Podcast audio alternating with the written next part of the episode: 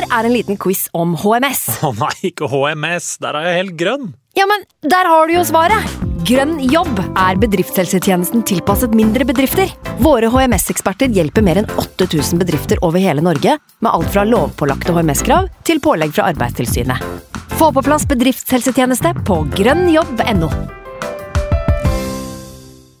Hallo? Jeg kommer fra Oslo politikammer.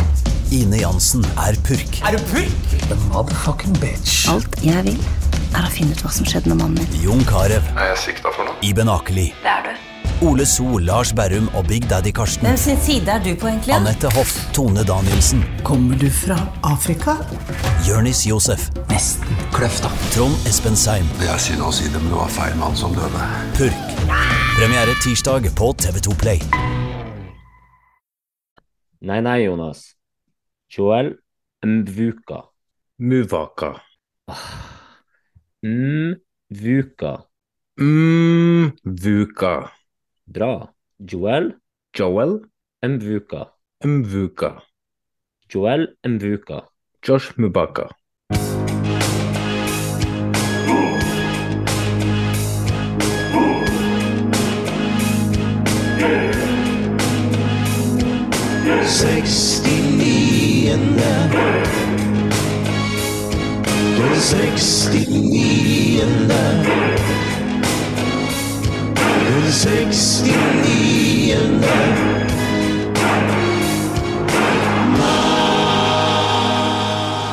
Ny åpningsjingle.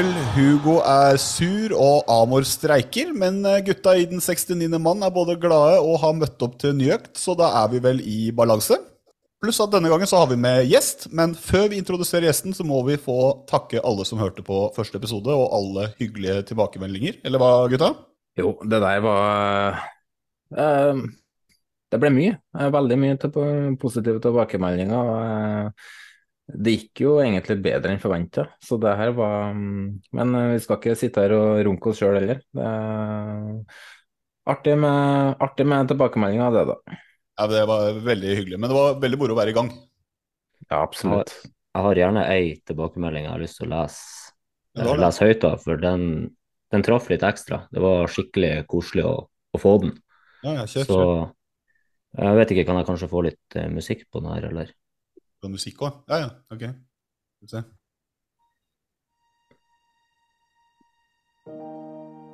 Dessverre kan denne aldri høres på. Når en fyr i panelet sitter konstant med stå. At Frank Amundsen nå får et talerør, med pisspreik så heftig at ørene blør.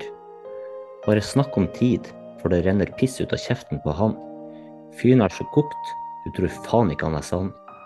Det er nok dessverre uaktuelt, ja, vil ikke høre et minutt. Frank får meg så sur, jeg blir faen så snurt er kanskje ikke brønnpisser nummer én i Bodø by, men tanken på fyren får meg faen til å spy. Vel, Arne Johansen, det er godt å endelig ha deg på glid.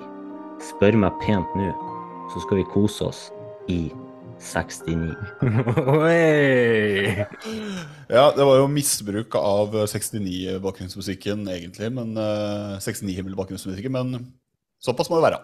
Ja, nei, det kan hende at jeg har gjort noen tweaks på den her, men jeg syns det var veldig morsomt å lese tilbakemeldingene, så måtte jeg legge til litt glimt i øyet her. Skal sies at han eh, hadde jo rett i alt han sa, da. Definitivt. Ja, ja, ja. Det var ikke det, var ikke det det sto på. Så nei, men det var hyggelig med tilbakemeldinger, og spesielt hyggelig med en sånn ekstra tilpassa Frank. Det setter vi alltid pris på. Så, men vi, som sagt, vi skal ikke sitte og se for mye på det. Vi har jo faktisk eh, eh, besøk i dag. Så da tenker jeg rett og slett at vi må få, få inn uh, gjesten på feeden her.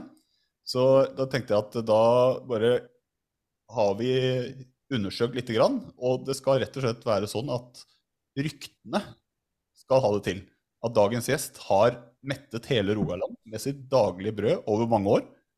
Han har en stor fascinasjon for berg-og-dal-baner, og ikke minst bading i kaldt vann. Men grunnet vonde ankler har han ikke kunne utøve disse, eh, dette de siste 40 årene. Hans enorme engasjement smitter, og han er viden kjent som en humørspreder, er fotballklok og en raus type. Den 69. mann ønsker hjertelig velkommen til vår aller første gjest i podkastens historie.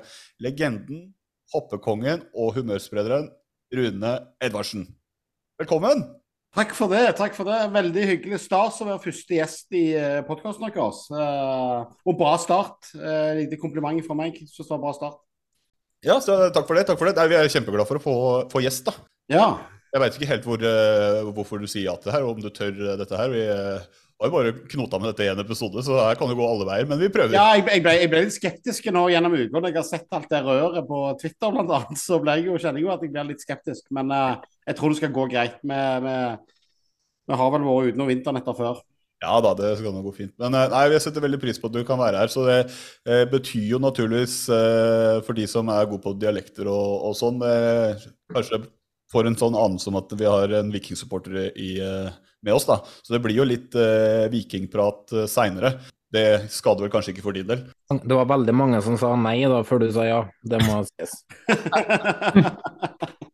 Litt, uh, litt, avslag må vi regne, på, regne, med når vi er helt i startgropa. Så det er hyggelig at noen stiller opp. Men uh, før, vi, før, vi, går inn på vikingpraten, uh, så du fikk kanskje med deg at vi klinka Berisha inn i den der Slanger i paradis-spalten vår? Ja, det, det, altså det, var gjerne noe av grunnen til at jeg likte podkasten veldig godt. da, For jeg syns dere traff jo veldig godt i forhold til Veton Berisha.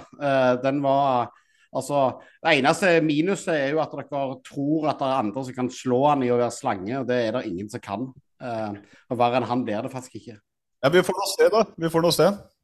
Vent til vi begynner med tripitch. Nei, men det, det er ren misunnelse. Tripitch er ingen slange.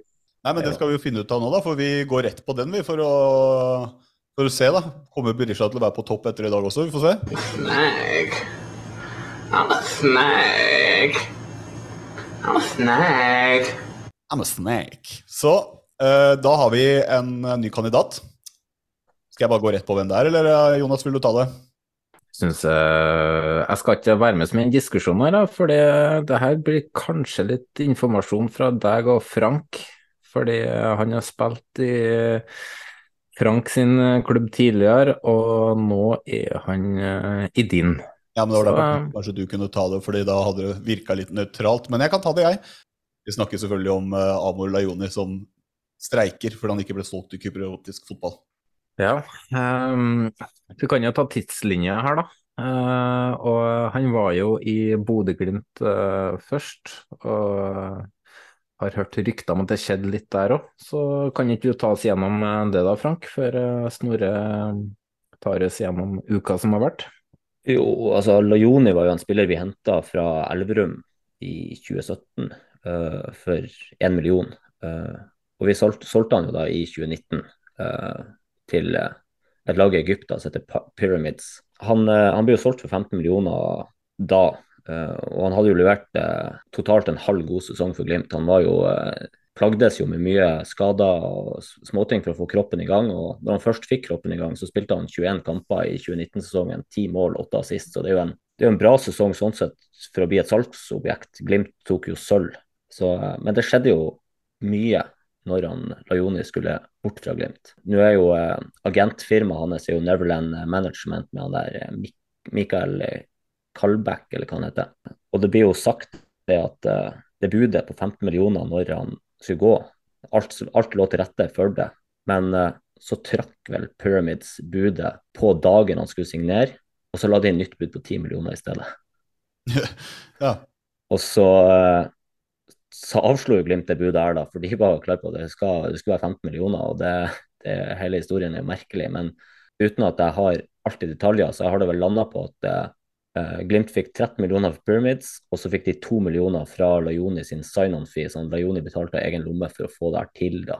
Og det er jo det som skjedde, eh, er jo det at i ettertid er jo at Lajoni har angrepet Glimt for denne handelen, og mente at det er Glimt sin skyld som prøvde å nekte han utenlandsstrømmen. Uh, og har jo ikke vært nådig i det hele tatt på hva han har smelt med kjeften om Glimta og Frode Thomassen. og Det er jo litt snodig når han i utgangspunktet så, så, hadde han aldri hørt om Pyramids, og han beskrev dem sjøl i media som et skolelag når han hørte navnet på det.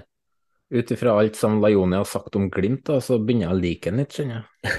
det stemmer jo det meste. eh, Etter hva jeg har hørt. Det er hans versjon. Nei, men eh, det er jo eh, klart at eh, han har ikke akkurat eh, solgt seg inn i Glimts hjerter, men allikevel så var han jo på flørten med Glimt i fjor. Eller forrige overgangsvindu, var det vel vi snakker om allerede i sommer. Da var det jo en liten link der. Ja, Glimt eh, tilbød han Lajone kontrakt, samtidig som Vålerenga tilbød kontrakt. Eh, og Vålerenga tilbød en bedre kontrakt, og selvfølgelig da når du går etter pengene eh, i Pyramid, så går du også etter pengene når du kommer hjem til Norge. Eller hjem til Norge, han er svensk, men Var ikke da snakk om at, uh, hvis jeg ikke husker helt feil, da, at det handla om å bo i Oslo kontra å bo i Bodø? Mener jeg las noe om eh, de økonomiske rammene Vålerenga tilbudet var flere ganger så stor som de Glimt-tilbudet. Og gangavstand til Bislett kebab, da.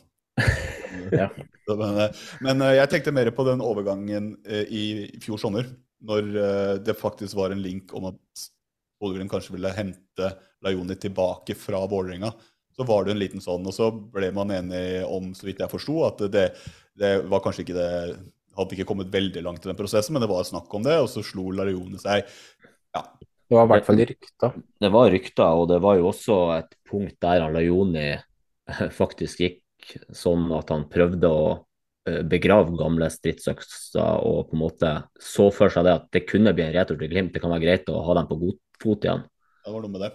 Men det var jo veldig blanda mottakelse i supportermiljøet. Det er ikke sånn at han har høy stjerne her, selv om at han leverte en god halvsesong og sørga for det første seriesølvet på ca. 20 år. Han har vel også klart å på ca. et halvt år spille seg inn i eh, Vålerenga-supporternes hjerter, for å så bare bli en person og noen grata i løpet av den uka som har gått. da. Så, fordi han var jo en av de spillere som produserte for Vålerenga i fjor. Så man trykker jo sånne spillere raskt i sitt eh, bryst før kontroversene kommer. da. Og da, når han da plutselig ikke dukker opp på trening, når det er felles, eh, eller sånn åpen treningsøkt på Ekeberg på treningsfeltet til KFUM, så begynner ryktene å gå, og da viser det seg at han, det har kommet et lavt bud, et relativt lavt bud på, på han fra en kypriotisk klubb. Jeg tror det var den klubben som Henning Berg er trener for nå. Det ble kontant avslått, for han ble sett på som en av de viktigste offensive spillerne til Vålerenga den kommende sesongen. Og da ble han pottesur og dro til Sverige. Så det er jo kort fortalt uh, ståa nå, da. Uh, han har jo ikke kommet på trening siden. Jeg har litt inside eh, der. Det er ikke sikkert at Lajoni spiller flere fotballkamper for uh, Vålerenga. Det er deilig. Det skal, det skal litt til, i hvert fall. Så per nå så har han spilt sin siste kamp, med mindre han kryper på knær. Hva tenker du, Rune? Tenker du, eh, Nå som har du fått litt eh, Fikk veldig mye fra Glimt-æraen, som kanskje ikke er så videnkjent, men må har sikkert fått med deg skriveriet om Lajoni. Hva tenker du om slangen?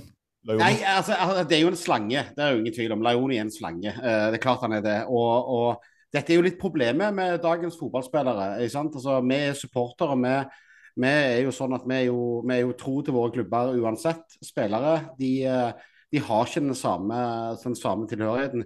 Men jeg syns det er en stor forskjell på Lajoni og Berisha. For Berisha han grein seg tilbake. altså Viking er hans klubb. Sånn, selv om han er fra Egersund, så er det Viking som er hans klubb. liksom. Og så når han var i Bergen, da, så satt han i en podkast eh, til Stavanger Aftenblad. Og mens han var faktisk ansatt i, i, i Bergen altså Jeg liker ikke Brann, jeg liker ikke Bergen. Men altså, spillere som sitter da og er ufine mot sin egen arbeidsgiver for å bli solgt. Og da vet du at dette gjør han jo fort igjen. Det var jo det vi på en måte brukte som argument den gangen. Ja. Og det gjorde han jo. Eh, og dette skjedde jo da. Han, han begynte jo allerede før jul da i, i eh, 20... Faen, hvordan ble det? Ja, 2021. Eh, og ville vekk fra Viking. Han ville igjen eh, ut i vi, kom til Europa for første gang på mange år. Og han eh, altså Nå skal jeg ikke påstå at han feika noe skade, det er farlig å si. Men, men det er klart at det, han gjorde iallfall ikke mye for å bidra når vi endelig kom til Europa. Og, du, du, du, du, du kan på en måte ikke bli verre. Lajoni er svensk. Lajoni han, eh, han har ikke noe tilhørighet til Glimt, til Vålerenga, til egentlig til noen ting. han. Og da, får du den type spillere. Så Leoni, Lajoni, ja, kjempeslange, men Uh, han, han, han når ikke Berisha til kne nå i, i slangeverden. Nei, Jeg ser argumentene dine. jeg gjør det. Altså, fordi, eh, når Leone signerte for Vålerenga, så gikk han ut og sa at det skal bli kaos på kanten. Men det har vel egentlig strengt tatt blitt mer kaos på benken, for det er vel eh, strengt tatt der han har starta først med å sparke noen stoler og sånn, og nå blir han jo benka og avslutter der, så Ja, altså, altså, men, men, men Leoni så har det jo òg vært litt Den der holdningen hans. altså Den, den, den, den der, den, der cocky holdningen som de holder på med, disse gullklokkeguttene og det der eh, Nå skal vi komme, vi skal revolusjonere mer eller mindre norsk fotball. Det var jo der de var. Uh, spilte noen gode oppkjøringskamper, husker jeg, for Vålerenga. Og var liksom Laioni kom gjerne, han kommer til å bli årets hit i, i norsk fotball. og så, så, blir han jo ikke det helt. Han surver jo når han er på benken òg. Han blir jo sur eh, for han blir satt ut av laget. Han, han er litt sånn han, han, han, han bringer dårlig Og jeg, jeg, tror ikke sånne spillere er bra for garderoben heller. Nei, det er noe med jeg tror ikke det er sunt å ha sånne spillere i det, Berisha var ikke sunt i garderoben for Viking. Jeg tror ikke Laioni var det for, er det for Vålerenga heller. Laioni, Laioni gikk ut i podkasten Nettavisen i sommeren og sånt, og sa at når ting begynte å løsne, da, så løsna det fordi at han slapp å jobbe så mye defensivt. Ja. Uh, OK. Sån, sånne spillere vil alle lage. Det er ikke sånne du vil ha, vet du. Nei, nei, nei. Men fellesnevneren også er jo at han presterer en halv, halv god sesong, han. Og så får han fortsatt at nei, men jeg, jeg kan dra videre og, og tjene mer. Eller Ja. og melke, melke den uh, kua som, uh, som ligger foran her meg nå. Nå er jo jeg den eneste nøytrale her, da. Uh, så det er ikke sikkert at uh, Snorre mener at, uh, at uh, er en større slange enn Berisha. Jeg, tror- jeg tror egentlig vi skal jobbe jævlig hardt i år jeg, for å finne en uh, større slange enn Berisha. Vi gikk hardt ut. Ja, vi, vi, vi, vi bomma. Vi bomma litt. Dere, gikk rett på førsteplassen. Ja, vi gikk det. altså, så vi skal egentlig finne andreplassen her, vi nå. Uh, men uh, det var, Berisha var jo veldig aktuell, da. Og så er jeg jo ikke så nøytral eh, likevel, for han gikk jo til Molde. Uh, alle der er jo slanger, så Og så er jo spørsmålet Berisha er jo litt òg altså, Jeg hørte dere var inne på det i forrige podkast òg, men denne turen innom Hammarby, var det en planlagt ting for å gå videre til Molde, for at han ikke da skulle bli solgt eh, direkte fra Viking til Molde? Altså, eh, og så må vi jo aldri glemme altså, Krimjim er jo hans agent. Eh, det er jo verdens eh, flinkeste mann, og agenter tjener penger på å selge spillere. Jo mer ganger de selger de, jo mer penger tjener de. Vi skal ikke glemme det oppi dette. her. Så det er så, det er så mye slangeting med Veton at uh, jeg, jeg, jeg tror du skal ordentlig lete for å finne noen verre enn han. Det eneste som kan slå Berisha, er Krimhjem selv. Liksom. Ja, faktisk. Da, da. Og når de da er i par, så er det et problem. Ja.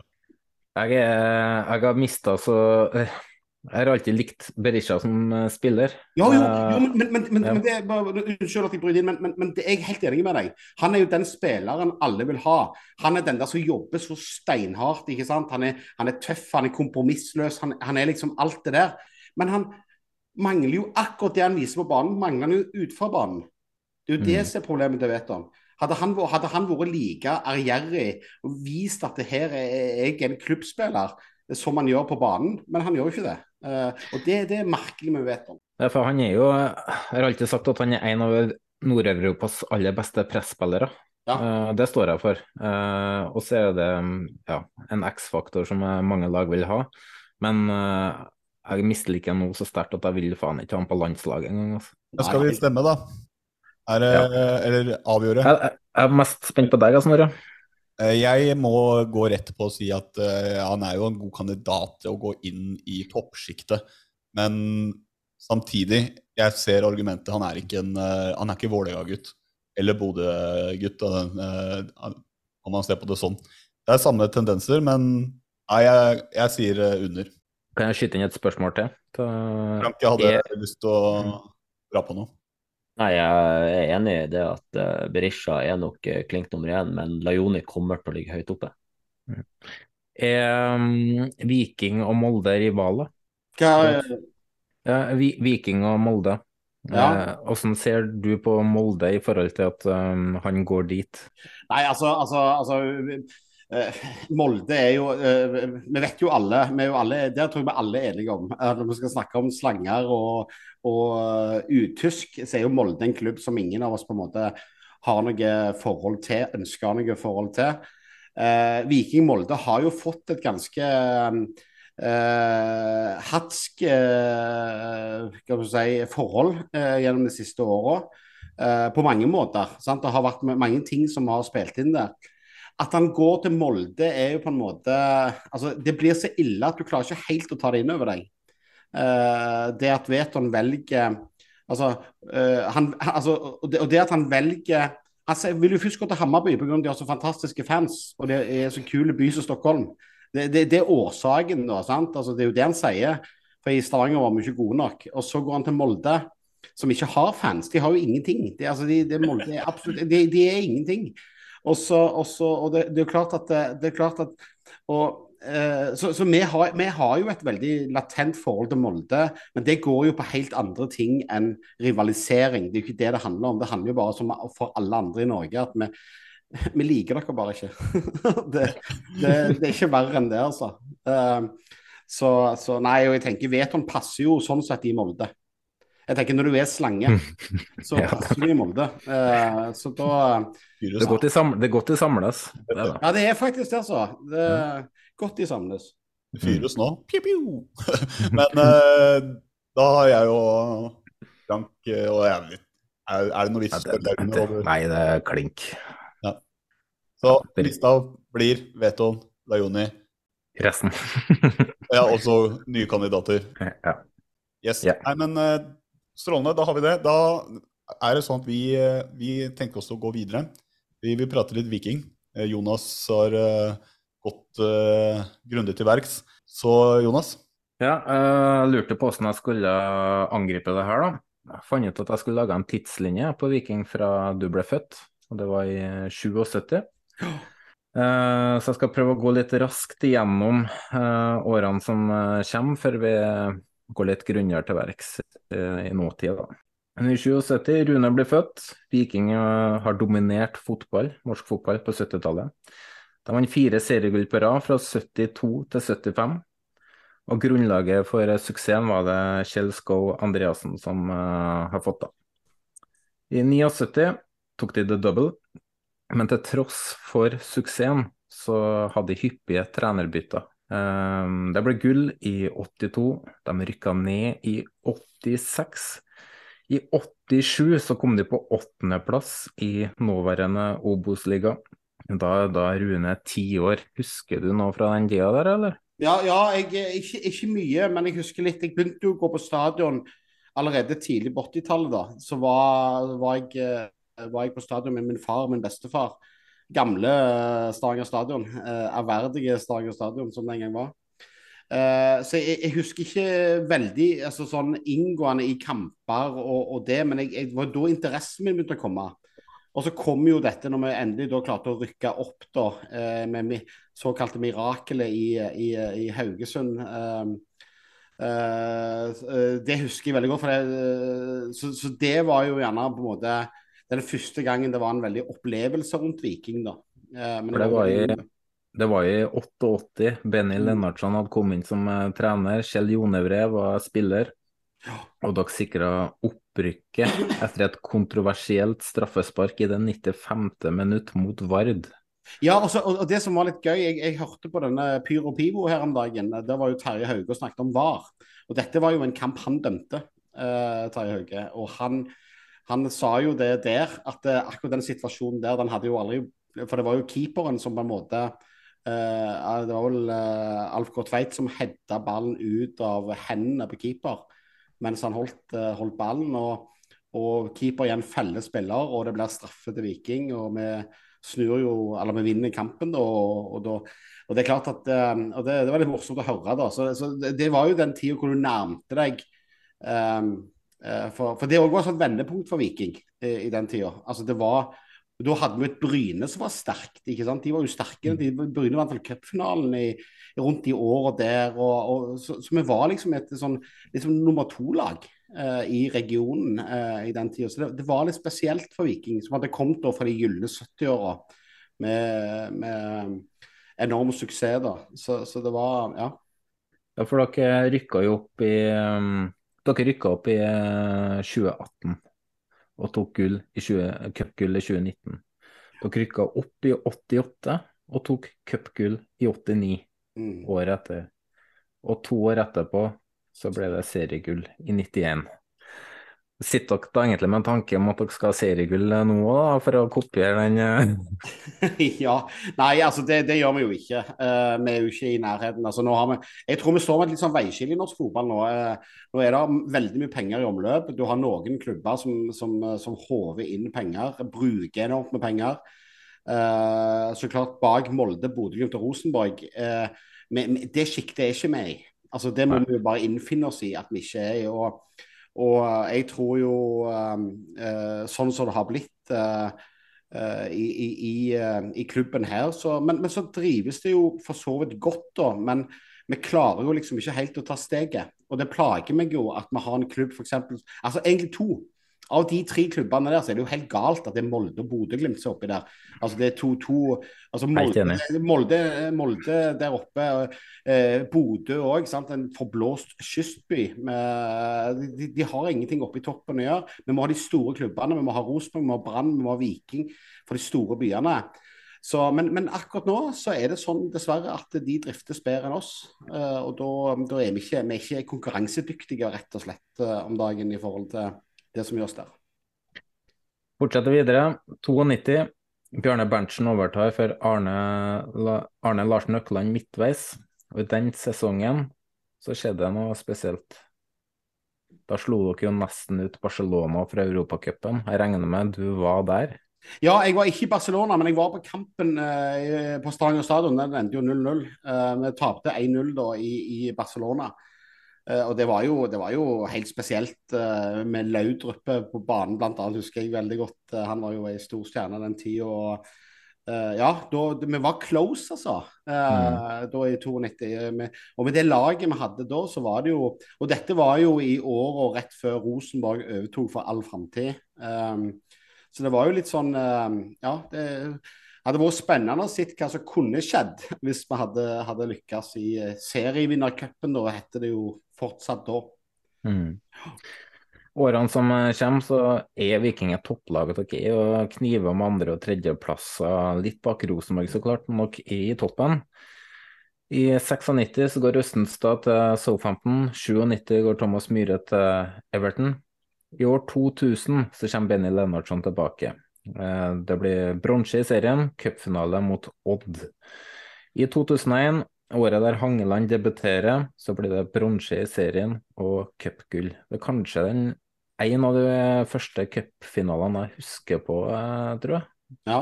Det var vel 3-1 mot Bryne? Mot Bryne, ja. Og, og det det var jo litt spesielt. Altså, det var jo by mot land. Uh, det var litt morsomt. Vi, vi satt og sa, Jeg var på dette NSA-seminaret nå i helga, og da satt jeg med noen uh, Bryne-karer i går kveld og knakk et par pils. og og Da prata vi om det at uh, anledningen ble for stor for Bryne. Og, og det, mm. det, det, var jo litt sånn men, men, det var utrolig viktig for oss. Vi hadde jo denne Odd-fadesen i bakhodet. Um, ifra, ifra, vi hadde jo der på, på Odd når vi, vi røyk i cupfinalen, der spilte bl.a. vår store helt Erik Pedersen. Uh, Skiensgutt, men han var jo vår store helt. Han spilte jo på det laget. Var det han med trusa, da? Det var han med trusa. Ja. Uh, så, så, så, liksom uh, men så kom denne Brynekampen, og det var jo viktig for oss på en måte å ta den. Det, så det var jo en, en, av de få høydepunktene. Jeg var jo heldig. altså Jeg er såpass gammel at jeg fikk oppleve seriegullet i 91. Mm. Men tenk hvor lenge siden det er. Ja, det, lenge siden. Altså, da var jeg ett år. Ja, ja, ja sant. Og uh, det, det, jeg, jeg, var 13 uh, når, når, vi, når, vi, vant det. Og, og det var sist vi vant det seriegull, og med Viking, altså. Det, mm. Var du ett år i 91, Jonas? Mm. Ett år allerede en skuffelse, tenker jeg vi sier. Men eh, ja, apropos, du nevnte jo at du hadde vært på seminar. Du har jo egentlig flydd rett inn du, for å prate med oss. Du kom jo fra flyplassen og rett inn på Ja, jeg landa for uh, under en time siden, uh, rett fra NSA-seminar. Så det, um, ja. Ja, det, har vært en, en tøff helg. For da, ja, for da passer det egentlig med å fyre av et uh, spørsmål som vi fikk på, på Twitter. ja. Fra Rune Oddsen. Uh, ja. Adsen Rune. Ved siden av Isberget og Roar Akelund sine flytider, hva er det mest positive på årets NSA-seminar? Ja, nei, eh, Det var jo utrolig interessant eh, med Karl Petter Løgen, generalsekretæren nå i NFF, var jo inne og prata. om utfordringene i norsk fotball. Han, okay, han var litt vak. Han, eh, han prata litt om utfordringene rundt eh, dommerrekruttering, dette med hets eh, og sånt i, i fotballen, eh, spesielt inn mot dommere. da. Han var prata litt om det. Og så kom Lise Klavenes, da, veldig uanmeldt. Eh, Faktisk, men hun bryr seg jo oppriktig om support. Altså, det, altså, det er jo nytt for NFF. uh, hun bryr seg jo faktisk. Hun kom inn, hun prater om sitt eh, kandidatur. Hun skal jo være kandidat nå til eh, å komme inn i styret i Uefa. Eh, veldig spennende. Eh, Seferin sitter jo der. Uh, det er jo gutteklubben grei så det holder. Men hun, Ja. vil, men hun vil utfordre systemet. Pluss at vi snakket om en del andre ting da, som vi tok opp. da, Og hun oppriktig bryr seg. Vi hadde jo bl.a. pyrodebatten oppe. Den kommer jo alltid opp, eh, hvordan NFF ser på det. Karl Petter Løken var, han var ikke sånn som tidligere. Eh, der som NFF har sagt at eh, nei, pyro er sånn og sånn. Karl Petter Løken han sa det rett ut. Han, han syns pyro er skummelt. Eh, han syns det. Lise, Lise Klavenes sa det at eh, jo, men per nå så er det ulovlig. Eh, og vi må forholde oss til det. Og så håper vi å få et handlingsrom i forhold til dette med bruk av pyro. Så, så det var veldig interessant i forhold til eh, Så det, så det syns jeg var veldig positivt, da. At de både bryr seg om supportere, de vil ha supportere med på høring. Eh, det har jo blitt gjort en kjempejobb fra NSA sitt styre. eh, I forhold til dette å få lov å få et mandat eh, til å være med i forskjellige utvalg. Nå har de vært med i VAR. eh, var jo veldig Terje Hauge var jo prata om VAR. Og, unnskyld, eh, enormt interessant. Uh, vi hadde jo våre innspill. Det har jo da vært med folk fra NSA som har vært og sett på dette.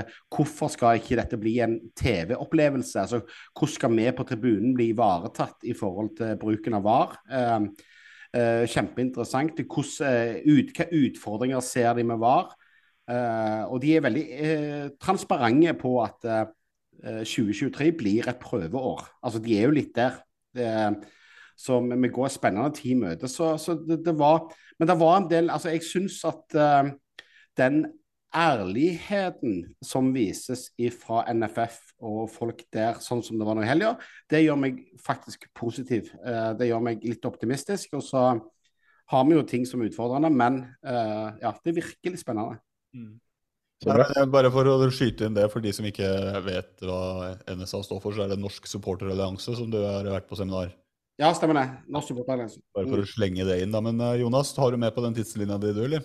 Om og her Nei, men jeg, Bare for å svare på spørsmålet da, som er- var kommet på Twitter, så handla jo det om at Roar Åkerlund altså Seminaret var over klokka to i dag.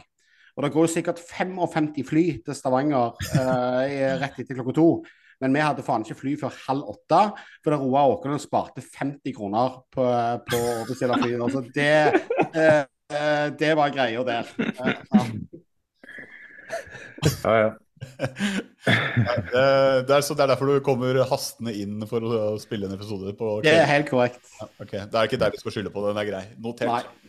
Jeg fortsetter. 2002. Ehm, det er egentlig den tida her hvor jeg føler at uh, det snur litt for Viking. Uh, det går litt på eh, valg som er gjort fra styrets side, ansettelser, og at de kanskje da, uten å ha sett eh, noe budsjett eller noe sånt, så tror jeg de har satsa litt over egen evne. Eh, For Benny Lennartson fikk ikke forlenga sesongen etter 2002. Eh, Som kan sies i ettertid var et merkelig valg. Og i 2003 så kom et enda mer merkelig valg, og det er Kjell Inge Olsen som tar over som eh, hovedtrener. Eh, Noe du har lyst til å kommentere på den, eller? Nei, det, det, ble gjort mye løye i klubben eh, i, i den tida der. og Valget av Kjell Inge Olsen altså Kjell Inge Olsen var jo en ildsjel mer eller mindre for Viking. Han var jo en, en, en, han var jo en lokal kar Klubbmann. eh, som kom inn. Og så, og, så, eh, og så går jo dette galt da, med Kjell Inge Olsen. Det var jo et veldig sånn Det er jo litt, ikke helt ulikt det vi ser i dag, men det var et forsøk, forsøk på å den lokale profilen da, og dette å være litt sånn moderne, eh, og den lykkes de jo veldig dårlig med. Det gjorde det. Og uh, midtveis i 2004 så kom Roy Hodgson uh, og tok over. Um, men uh, det ble ikke noe sånn superresultat av det, men Viking ble jo stabil. Også i 2006 gikk Roy Hodgson til Finland, landslaget. Eh, når det var sju kamper igjen av sesongen, så lå Viking på eh, sisteplass. Og det var jo Tom Prahl som var trener. Eh, heller ikke noe suksess, selv om han hadde et bra år i Sverige der, eller flere. Tom Nordli kom inn på en tremånederskontrakt og berga, berga stumpene. Eh, egentlig en legendarisk eh, snuoperasjon. Eh, så kommer det artige. I 2007 så Uwe Rustler var jo trener i Lillestrøm. Nordli ville Viking beholde. Han valgte Lillestrøm, og Uwe Rustler kom motsatt vei. Så vi bytta rett og slett trener. Eh, den sesongen så gikk det hele sesongen uten hjemmetapp, og endte opp på femteplass. Kan vi kalle det trenerskiftet der for en slags eh, fotballens trener 69? Ja, du kan egentlig gjøre det. Kan det? det ja, kreativt. Eh, I 2009 så var Rustler ferdig etter at Viking endte på tiendeplass. Så det var jo litt sånn at de satsa jo, men eh, lyktes ikke. Nei. Eh, 2010, Hareide kom inn. Ny, ny trener eh, som skulle få midler å eh, bruke, og det skulle satse som eh, bare det, og det ble niendeplass. I 2011 sa sportssjef Egil Østenstad opp eh, midtveis, og det endte på 11.-plass. I 2012 så var Åge Hareide ferdig til sommeren. Kjell Jonevre kom inn, og mellom 12 og 16 så hangla det litt. Dårligere økonomi, mindre, ja, ikke gode resultater. Eh, lå mellom 5. og 10. plass. I 2016 så var Jonevre ferdig etter sesongen pga. ulike ambisjonsnivå. Og her tipper jeg at eh, at det handla om økonomi. Om eh, hva, hva, hva han fikk lov til å styrke stallen med. Ja. Og da ble det gjort veldig mye rart i klubben. Ian Birchnell ble jo trener. Eh, det ble henta enormt mye spillere. Det ble hentet altså, et volum av spillere. Det var jo det som ble gjort. eh, i den det var på lån, var ikke det? Jo, det var mye, var mye lån. Det var, for de hadde jo ikke penger å bruke. Men, men det, det ble liksom henta inn for, i H, et sånn desperat uh, forsøk på å finne gull. Eh, uten å gjøre det, da. Så det òg ble jo en veldig kort sorti da, uh, med Ian Det var jo eh, brannslukking på brannslukking. og Mm. Jeg syntes jo litt synd på Burtonall, for han Ja. et, etter tida, han, han hadde jo fryktelig dårlige rammebetingelser, og etterpå så ender han opp i Østersund med like dårlige rammebetingelser, så han har jo ikke akkurat uh, Nei, det, Børsel er det synd Man hadde ikke sjans, uh, egentlig. Han, han, han, eh, og det var jo en sånn en, da var, Men da var klubben altså mørkere enn det. Har jo, er det vel eh, Vi skal veldig mange år tilbake for, for at han var i mørkere tid i Viking enn det. Og Burton ble dessverre da eh, litt ofra, da, i, i eh, vil vi si. Da, for alle var jo glad i Ian Burton. Han var jo assistent under Jon Evre, var en bra fyr. Eh, han ville mye. Han var ung, eh, men det er klart eh, Det kunne ikke gå. Nei, jeg, jeg tror ikke det hadde gått med noen andre heller. Nei, det hadde nok gjerne ikke det. Det, hadde, det var jo sånn, sånn som vi gjorde når vi fikk inn Tom Nordli. Eh, han, han har jo vært satt vår redde alle klubber i Norge. Eh, men du fikk inn han når du får en go i det, for han, han spenner deg jo han, i rumpa til du faen må levere.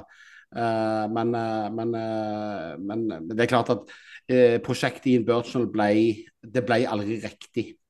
Det gjorde ikke det. Og det var ikke en klubb som kunne stå i ryggen på han heller og hjelpe han. Han hadde ikke økonomiske forutsetninger, eller Viking hadde ikke økonomiske forutsetninger egentlig uh, for å klare dette. Og det ble, uh, ja, ble henta enormt med spillere som ikke passet inn. Det, det, det, det, ble, det ble gale. Ja. Så hadde jo en uh, lengre periode der med Åge Hareide, Kjell Jonøvre, Hodgson, Rustler. Det er fire store trenernavn. Eh, neppe billig i drift. Eh, de fikk nok eh, mer midler enn de burde for å handle Ja, for det, men vi hadde, vi hadde jo Egil Østenstad. sant? Det er jo klart at han, han, altså han var en god fotballspiller, men det betyr ikke at du er noen god økonom. Uh, og Han brukte jo Han svidde vel altså Ryktene sier Nå skal ikke jeg uh, uten at jeg, jeg orker ikke havne i retten, men jeg, jeg, ryktene sier jo at uh, han, han klarte jo å svi opp i sin periode over 120 millioner kroner på masse vas og tull. Vi fikk inn Åge Hareide, eh, for å ta han da som et eksempel. da, Det er jo ikke akkurat en karismatisk fyr, Åge Hareide. Jeg husker han hang opp eh, De begynte å lukke treningene sine nede på treningsfeltet her nede. De var, det ble en litt sånn annen type klubb da. Men det òg var jo at de da allikevel skulle ta disse enorme stegene, da. sant? Men ingen av disse lykkes. Og det, og det er jo litt med Viking. For at det, Eh, vi kan godt nå si at Morten Jensen og Bjarte Lund Aasland som sitter i dag, men, men altså, vi, tenk til alle de trenernavnene vi har hatt inne. Roy Hodgson. Og Roy Mhm. Hodgson har jo selv sagt at det, den prestasjonen han gjorde i Viking, var den beste han har gjort som trener, med det materialet han da hadde. Eh, det har jo han uttalt. Og, men vi har, hatt, vi, har hatt, vi har prøvd med alt mulig her i Viking. Vi har prøvd eh, alt fra lokale Kjell Inge Olsen er et eksempel, til Roy Hodgson. Se på hvor få Mm. år det gikk mellom de. Eh, så, så ja.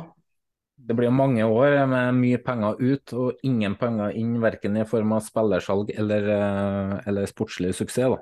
Og det hjelper meg, Jonas. Hvor, eh, er vi på tidslinja di nå? Nå er vi på 20, ja, vi er egentlig på 2016, da. Mellom 16 og 17. For i 2017 så rykker jo eh, Viking ned for første gang siden 88.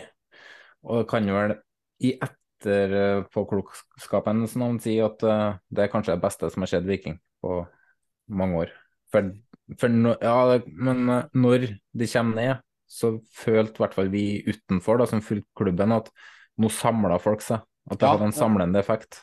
Det, det, det tror jeg du har rett i. Men så, så må vi aldri glemme at vi var i den kampen mot Kongsvinger, når vi da til slutt eh, rykker opp da på, eh, i, i fra Obos, så er vi, jeg, vi har uavgjort mot Kongsvinger her nede. Så vi er egentlig bare tolv minutter fra å ikke rykke opp. Eh, altså med, eh, og, og, og, og, selv med mobilisering, ja.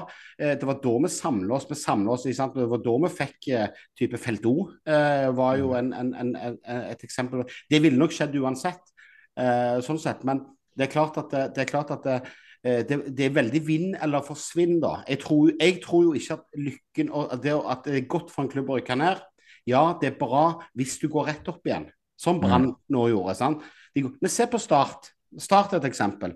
De, de uh, rykker ned og blir der nede, og det er ikke bra. Og, og Det er ikke bra. Jeg, jeg tror på en måte denne, For å få den effekten, så må du rett opp igjen. Ja, det er jeg helt enig i. og Vi har sett det med Lillestrøm òg, som Ja. uh, har fått en ordentlig go. Uh, ja. Men det, det er jo litt sånn Det er jo som du sier, Rune. Du skal jo gjerne rett opp igjen for at det skal eh, For at det skal, Ja. For at det skal kunne ha den effekten. Og da skal du også rett opp, og du skal overraske positivt. Og du, hvis du begynner å vake nedi sumpa der igjen, så kan du jo fort ryke ut i noe kvalik, og da kan jo alt skje, osv. Ja. Ja, vi, vi var jo nede i fem år, fra 2010 til 2014. Uh, var Glimt- Glimt, og da kjente man virkelig på det at uh, man var på bunnpunktet, da. Så rykka vi jo ned igjen uh, i 2016 og var nede i 2017, da. Og da hadde vi en sånn type, kall det en ny, en ny boost, da. Uh, mye unggutter som kom igjennom på den tida, da, med Patrick Berg, Fredrik Bjørkan. Uh, masse unge lokale, Jens Petter Hauge, som var med og bygde et nytt lag. Ja, og så skal ikke jeg, eh, skal ikke jeg si at jeg har faktasjekka dette veldig nøye, men jeg så Davy Vatne la ut en tweet om nettopp denne Dette er om det er eh, sånn at de som kommer opp, liksom alltid overrasker, og liksom at nivåforskjellen mellom Obos og Eliteserien er såpass lav da, at de store laga som kommer opp igjen, de som skal ta nivået og hevde seg i toppen med en gang. Og han eh, mente jo da, eller skrev jo da at av 20 siste laga som har rykka opp, så har 13 av de meldt seg på i liksom bunn seks i den påfølgende sesongen. Ja. Det spørs hvilket lag som rykker opp òg, da. Ja, Det er nettopp forskjell på Viking, Brann og Lillestrøm, altså. Ja, er og, på og der, har, der mener jeg du har et veldig godt poeng. For at uh, jeg mener jo at eh, en, uh, Unnskyld for det, Frank, men en klubb som Bodø-Glimt, da, selv om dere er i suksess akkurat nå, så tåler dere et nedrykk egentlig mye bedre enn Viking, Brann, Lillestrøm gjør. For dere er litt vant med det. Dere er jo litt vant med å være litt opp og ned. Et Sandefjord som rykker ned, et Kristiansund som rykker ned. De, de tåler det sånn sett mye bedre. For det, det blir ikke de store endringene for de. Eh, som det blir på disse litt større klubbene, da, altså i, i perspektiv, eh, som, som, som Jonas òg sier. Og, og det er klart at Når Viking og Brann kommer opp igjen Du husker jo Brann når de rykka ned, kommer opp igjen eh, sist når de gjorde det. Eh, og de går vel rett til andreplass, gjør de ikke det? rett, rett på andreplass Ja. kjemper om gullet òg året etterpå. Pluss at det er en profilert klubb, og da hører du mye om det. Og da Mm. blir det veldig lett å si at nedrykk har vi veldig godt av. Ja. Men vi, vi, vi glemmer liksom Stabæk er jo et eksempel nå, da. Jeg tror ikke Stabæk er et lag som kommer til å begynne å blande seg opp i det, men de òg er vant med å gå opp og ned. Så det er litt sånn eh, Tenk deg hvis Rosenborg hadde gått ned. Og der.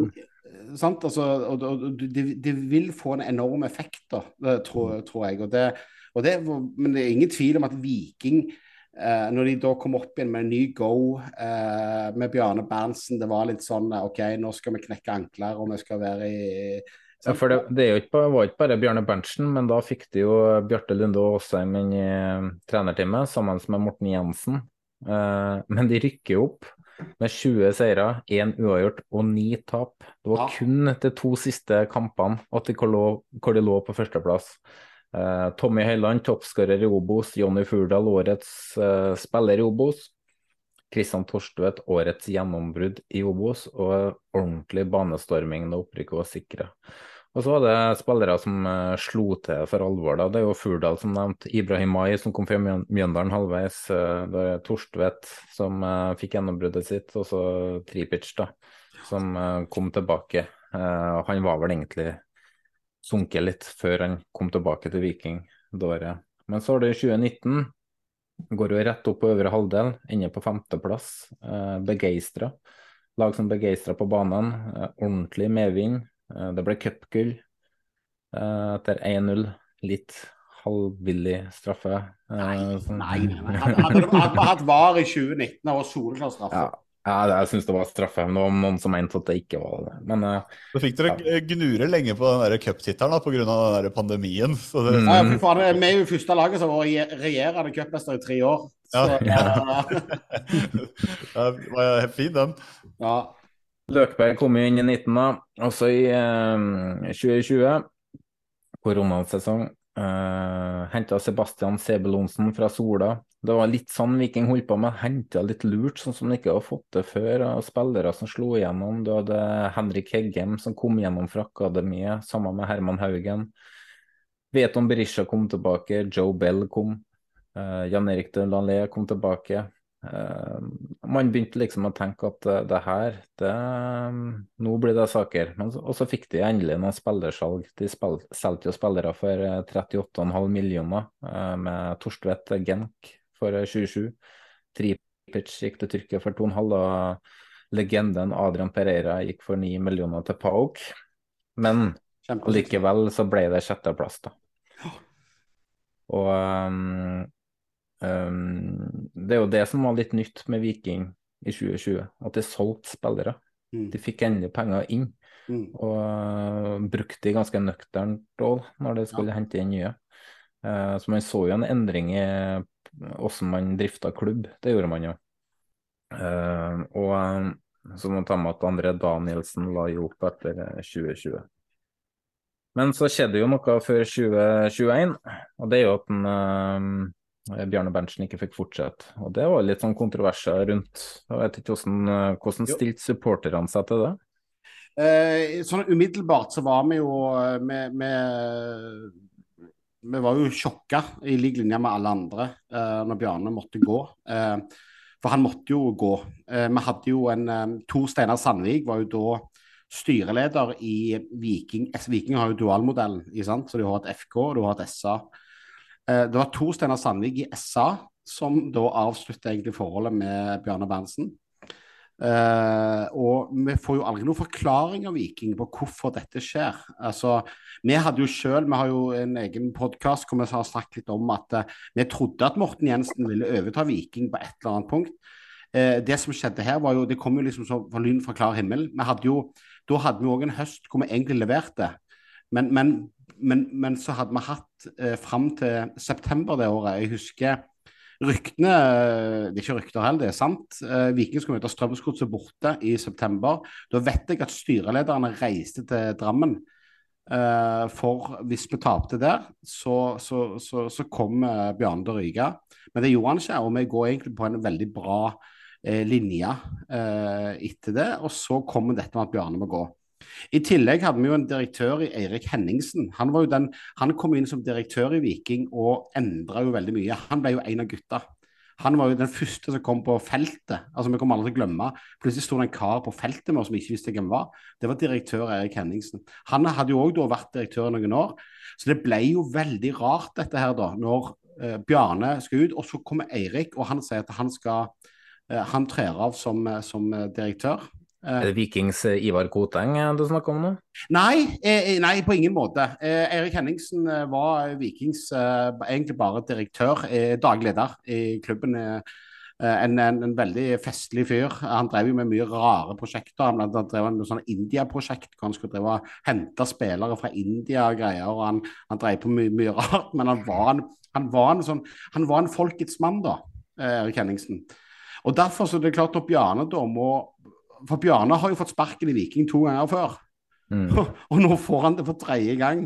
Eh, og Ja, lurer har, han- har han fått sparken to ganger, for jeg sjekka litt gjennom. og Han har Ja, vært trener, ja, midlertidig trener eh, på tidlig ja. Ja, om han, har, om, han, om, om han har fått sparken, eh, men det er sånn vi egentlig snakker iallfall. Også om Ja. det var i realiteten er litt usklart. Men han har vært veldig sånn Han ble jo litt sånn som han der i 'Nissene på låven'. At han kommer kom inn og redder oss, og så eh, må han ut igjen. Ja, for han var så- daglig, han var jo daglig leder òg, var ikke han ja, tidligere? ja, han var det. Han er jo kjip som faen vet du, på pengesekken. Det var jo, så han, eh, Bjarne, men Bjarne har betydd enormt mye for Viking. Vi som supportere vi forsto ikke helt hva som skjedde. Eh, Så det ble jo et veldig ramaskrik rundt eh, avgangen til Bjarne. Men alle, samtidig som det var ramaskrik rundt avgangen til Bjarne, så stilte alle seg bak Morten og Batty, som jeg kaller de. Eh, Bjarte Nåsheim og Morten Jensen. eh, I tro på at eh, dette kan bli spennende. Og og det er klart at Viking Og i, i tillegg da, Poenget mitt med Erik Henningsen var jo at han òg trekker seg som daglig leder. Og vi får altså en daglig leder som er 30 år gammel. Altså Han er jo faen meg knapt kjønnsmoden og ble satt inn som daglig leder i en fotballklubb. Altså Her var det mye på en gang. Mye unge som kom inn. Eh, hvordan skulle dette gå? Og det er klart at eh, Ja. Så, så Det, ganske, det var jo ganske mye spennende i Viking her, som fortsatt er der, da, med Kjartan Salvesen og, og et administrativ som, eh, som byr på seg sjøl. Som, ja. som virkelig har åpna opp klubben. og Viking har vel egentlig aldri vært så mye i media i positivt fortegn som de var i eh, rundt tiden der. Nei, eh, og det, det, det er de flinke på. Men, men det som har vært litt minus med Viking, det er at de har, de har alltid vært veldig flinke i medgang. Mm. Med en gang det blir litt motgang, så forsvinner de. Eh, Ja, fordi vi så, vi så ikke dem i høst. Nei, nei, du gjorde ikke det. Og, og, og det reagerer jo vi òg på. Altså, det, men, men Viking har blitt en veldig transparent og fin klubb. Viking er en klubb hvor du kan eh, eh, og det vet jeg det er lett for supportere å si, men jeg mener det. Viking er en klubb du kan gå ned Du kan gå ned og ta deg en kaffekopp hva tid som helst. Hvem, uh, samme hvem du er, så kan du gå ned og ta en kaffekopp og ta en prat enten med daglig leder eller med med markedsavdelingen, med spillere eller med trenere. Altså, det, Viking har blitt en sånn type klubb. Det var han ikke før, og det er en av de styrkene Viking har nå. At de er veldig transparente, og det er en sånn en og det har de valgt, og det er jo veldig mye ære til han Erik Henningsen. Og så har Erik Bjørnø, som nå er daglig leder, han er solbrune på 30 år. Eh, men han er, han, er, han er akkurat sånn, han òg. og så har du sånne som Kjartan Salvesen, som vant Idol, hva de var det? 82? Uh, uh, ja, og, og, og du har, du, men du har typene, og det, det, det er bra i Viking. Og så, ja, så fikk vi inn Erik Nevland, sant. Uh, ja, så, så da men, men det er veldig ungt, da. Så det har vært litt sånn, I høst var det jo litt spennende med tanke på at nå møtte de virkelig motgang, og se hvordan de takla motgang. Og så har det vel, Hvis vi gjør opp status hvordan de takla motgang, så var jo ikke det spesielt bra. Nei, for ut, sett utenfra så har det vel egentlig eh, trenerne som har stått og fronta klubben, og så har eh, de andre trukket seg litt bak. Mens eh, i medgangen så var det de, ja, daglig leder og markedssjefen var veldig fram. Stemmer Men eh, dere skulle jo stille dere bak trenerne, som du sa, og det gjorde dere jo rett i. Eh, dere endte jo på tredjeplass, kun tre poeng bak eh, Molde på sølv og seks poeng bak Glimt på gull. Så det var jo en meget bra sesong. Vikinglegenden Veton Berisha med 22 mål. Semifinale i cupen. Eh, og gullet ble vel egentlig tatt de første 13 kampene, for da hadde dere fem seire, tre uavgjort og fem tap. Etter de 13 kampene så var dere jo det beste laget i Eliteserien. Mm. Eh, fikk inn spillere som Kabran, Patinama, Tripic kom tilbake, Mai Traoré, Brekalo, Stensnes. Det, det er jeg litt usikker på. Stensnes, det høres ut som et norsk navn. Ja, det, det, syns jeg òg, men han heter Ja. det. Ja. Så, eh, men, men det er vel noe, der noe annet, tror jeg, eh, som gjør at han heter det han gjør. Uh, ja. Og dere fikk jo spillere solgt der òg. Butucci gikk jo, uh, Ibrahima gikk. Og så kommer jo det som eh, kanskje er starten på det som ikke er positivt. da. Det er at de selger Henrik Heggen for 16 millioner til Brøndby. At man ikke klarer å holde på spillere når man ender opp på tredjeplass i Eliteserien og skal egentlig ta neste steg, og så ender man opp til å selge bare til en klubb som er på samme nivå i Danmark. Ja. Så um, Men det er jo litt det som er minus med å være en klubb som ikke har økonomi til det. Altså, Mm. Hvis du tar dere i Rosenborg, da, så har dere økonomi til å sitte og holde på spillere. Dere sier nei til sånne ting. I Mm. Viking så, så, så var ikke de i posisjon til det. og og, eh, og det er klart de pengene for, vi fikk fra Henrik Heggheim, han kommer fra eget akademi. Eh, Det at han da fikk muligheten eh, i Brønnby, det var kanskje rett sånn som det var der og da. Selv om Men, men vi- hadde vi hatt en annen posisjon, så hadde vi aldri så, nekter jeg å tro at Viking hadde solgt eh, Henrik Heggen. Han skulle liksom bli, uh, egentlig liksom bli hærføreren eh, bak der en, et par år til, før man kanskje ideelt sett skulle ha solgt kanskje til en større liga, kanskje. Kanskje samme, kanskje samme steg som Hangeland, f.eks. Ja, eller som Torstvedt. eh, Mm. som, så, så, så, så det er klart at eh, men, men, men Viking har jo slitt økonomisk. Viking har jo vært i både gul og rød sone i mange år. Eh, det er først nå vi faktisk er konkurransedyktige sånn, i forhold til det at vi faktisk kan stille noen krav. eh, eh, I forhold til både kjøp og salg, eh, spesielt i forhold til salg. da. Eh, Det har ikke Viking vært. vet du. Og, og der tror jeg er forskjellen nå på Molde, Glimt, Rosenborg og alle oss andre. Eh, for at uh, vi, vi må, vi, vi er nødt til på en måte å Og så finnes det jo sikkert noen gentlemen's agreements i forhold til spillere. Uh, Spillerne ønsker å ta steget ut. Det er jo kjempetrist. Men, men akkurat Heggheim-casen, der, der måtte vi nok selge. Ja, for jeg går over til 2022. Eh, Man skulle jo ta neste steget, men ender jo på 11. plass. Berisha toppskårer med åtte mål, og han spilte halve sesongen. Um, Henta Daniel Karlsbakk, uh, Niklas Sandberg eller Markus Sandberg, vi er litt usikre her. Patrick Gunnarsson Markus Keeperen til HamKam, var det ikke det? ja, ja, det var det. Keeperen til HamKam. Patrick Gunnarsson, eh, Markus Solbakken, Sander Svendsen, Jibril Diop. Og Furdal måtte legge opp. Iven Østbø la opp. Høyland la opp, eller gikk til Sandnes Ulf, det er som man ser det. Og så kommer jo enda tre spillere man gjerne skulle hatt, da. For jeg, jeg spådde jo faktisk Viking på førsteplass uh, før jul uh, 2021, altså før 2022-sesongen. Så sa jeg at hvis Viking beholder Berisha og Joe Bell, så tar de gull. Hvis de mister én av de, så kommer de topp fire. Mister de begge, så går det til helvete. De mista begge, og det gikk jo til helvete. Men de fikk 47 millioner for Bell, Sebulonsen og Berisha. I, I etterpå så kan jeg si at de fikk litt for lite. Eh, det Bell leverte skulle jo kanskje ha vært opp mot 35 millioner bare der. Ja, det, det, det, det er klart det burde det, men så, så, så der òg sies det jo at Bell òg pressa jo veldig på sjøl for å komme videre. Han ville jo ut. Han, han har jo familie, han er jo fra New Zealand, men har jo, eller Australia, et eller annet. Samme det, ikke det? Eh, og så, så, men men han, han var jo veldig klar for å eksempel, eh, spille i championship. altså Det har han også sagt tidligere. Han, en, han kom jo som en college-spiller til Viking, så det er klart for Viking var det en veldig vinn-vinn. Eh, men eh, så ender det Viking med å selge den til Brøndby. Det, var jo en, det ble jo en jævlig diskusjon rundt det, da. Eh, for det var klart det ingen, ingen som syntes at det var godt nok med tanke på, på Joe Bell. Altså, med, Det er 12 millioner, tror jeg det var snakk om, og det, Ja, altså, er, jo, det er jo ingenting. Det er, ingen, det er ing- ingenting, og han, han, var, han var Norges beste midtbanespiller. Eh, Ja. Sammen med, Patrick, sammen med Patrick Berg, og så kan man jo se på han Jibril Diop, kan det var ikke det sju millioner eller noe sånt? Stemmer, stemmer, stemmer det. Og det skal ikke være fem millioner forskjell på de to. Det skal ikke det. eh, og det, det ble jo gale. Men så gjør vi jo en veldig bra vårsesong uten Joe Bell. Altså, Vi er jo Ja. kanongode. Vi leder jo serien. Når vi kommer til 16. mai, så er det vi som leder serien. Vi spiller jævlig festlig fotball. Vi er bein harde. Uh, med litt sånne knokkelgutter. Vi husker møte møter Bodø-Glimt, f.eks. Mm. De, de tåler jo ikke å bli takla. De skjønner jo ikke at, den, eh, at det er en, en, en eh, idrett med kontakt, dette her. Eh, For de som, for de som ikke har eh, bilder på skjermen nå, uh, Frank smiler ikke nå. Han ser eh, sur ut. Der smilte den. Ja, der, der kom det. Jeg har statistikk på det her. eh, fra Eh, de endte jo opp med ni seire, åtte uavgjort og 13 tap. Men etter 16. mai så har de tre seire, sju uavgjort og tolv tap. Det er snitt på 0,72 på siste 22 kampene. Og det eh, gjennom 30 kamper ville de ha gitt 22 poeng og 15.-plass. Ja. Så hadde det der, hadde ikke hatt den starten, så kunne det der ha blitt nedrykk. Første seks kampene ville ha gitt 71 poeng og andreplass. Mm. Men, jeg, men jeg tror jo på en måte at uh, det europaeventyret altså, For det kan vi kalle det. Vi slår ut Sparta Praha.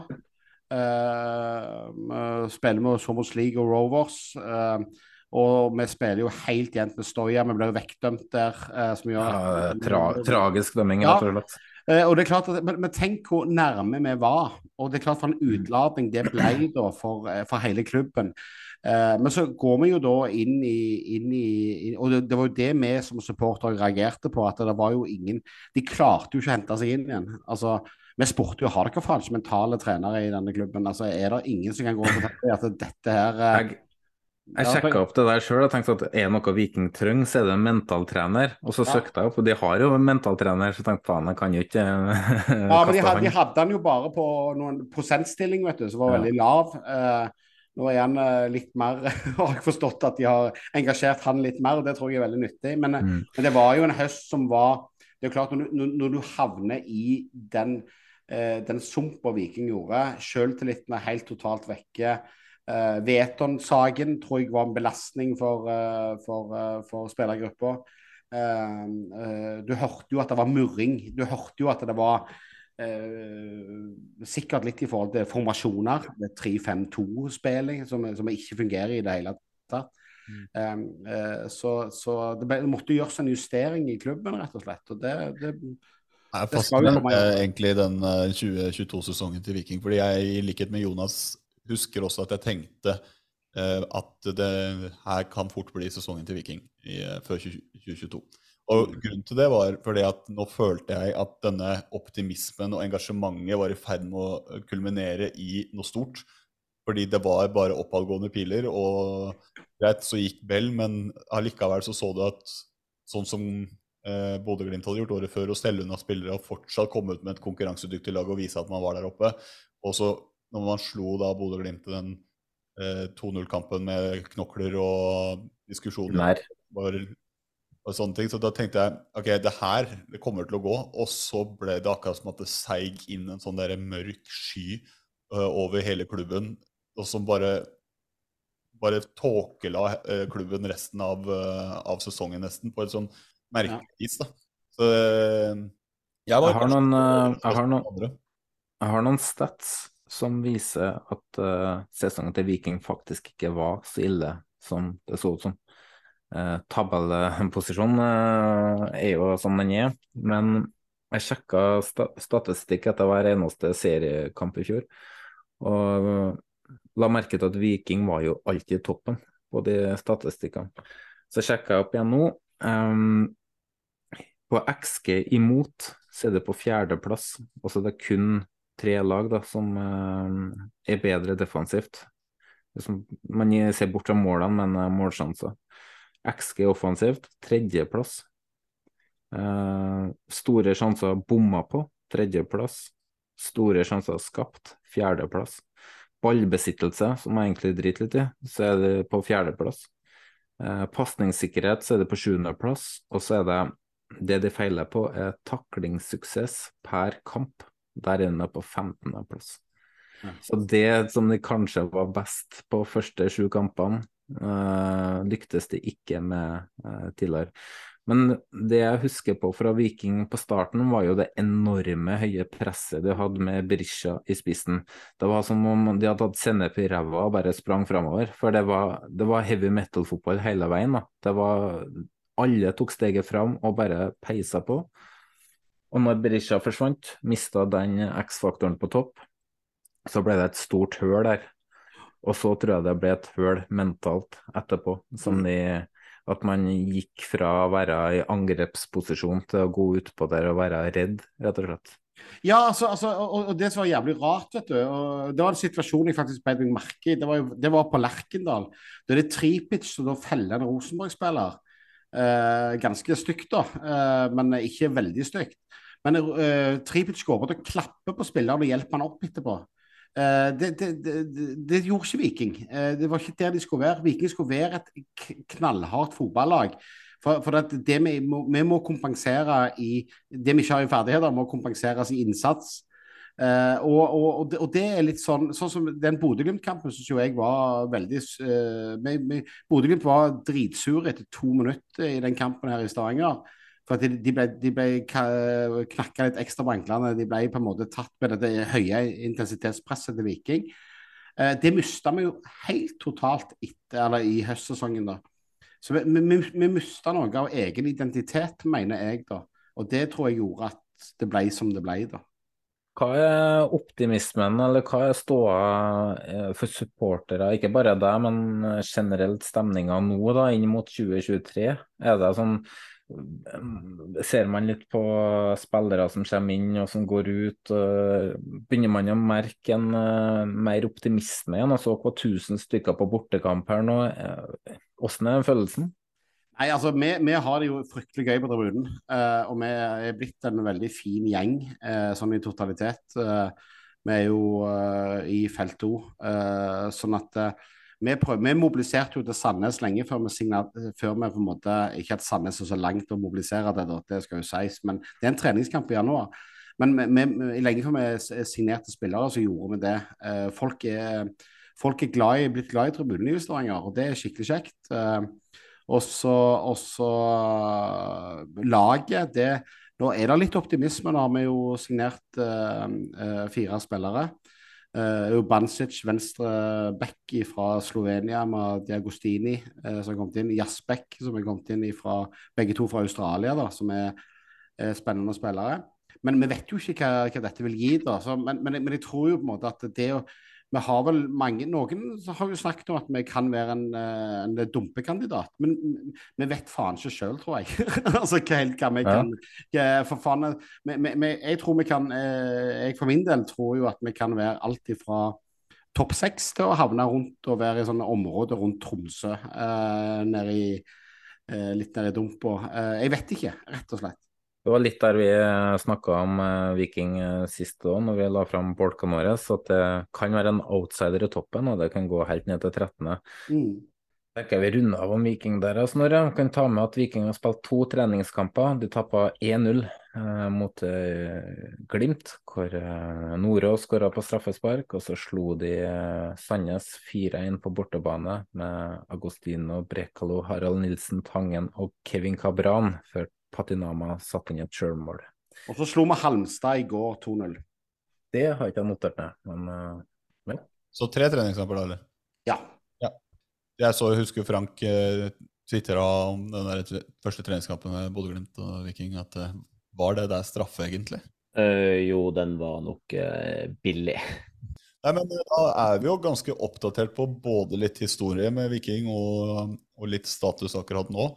Så jeg det vi, blir, vi kommer jo helt sikkert inn på ting og tang rundt Viking gjennom resten av episoden, men vi kan jo da bevege oss videre.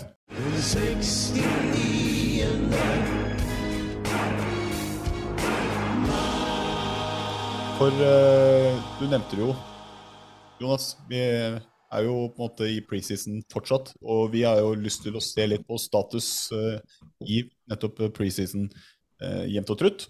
Så Frank? Ja, uh, bare en rask oppdatering fra siste. Så uh, ja, vi var jo to dager unna overgangsvinduet, det europeiske overgangsvinduet når vi spilte inn forrige episode, eller første episode.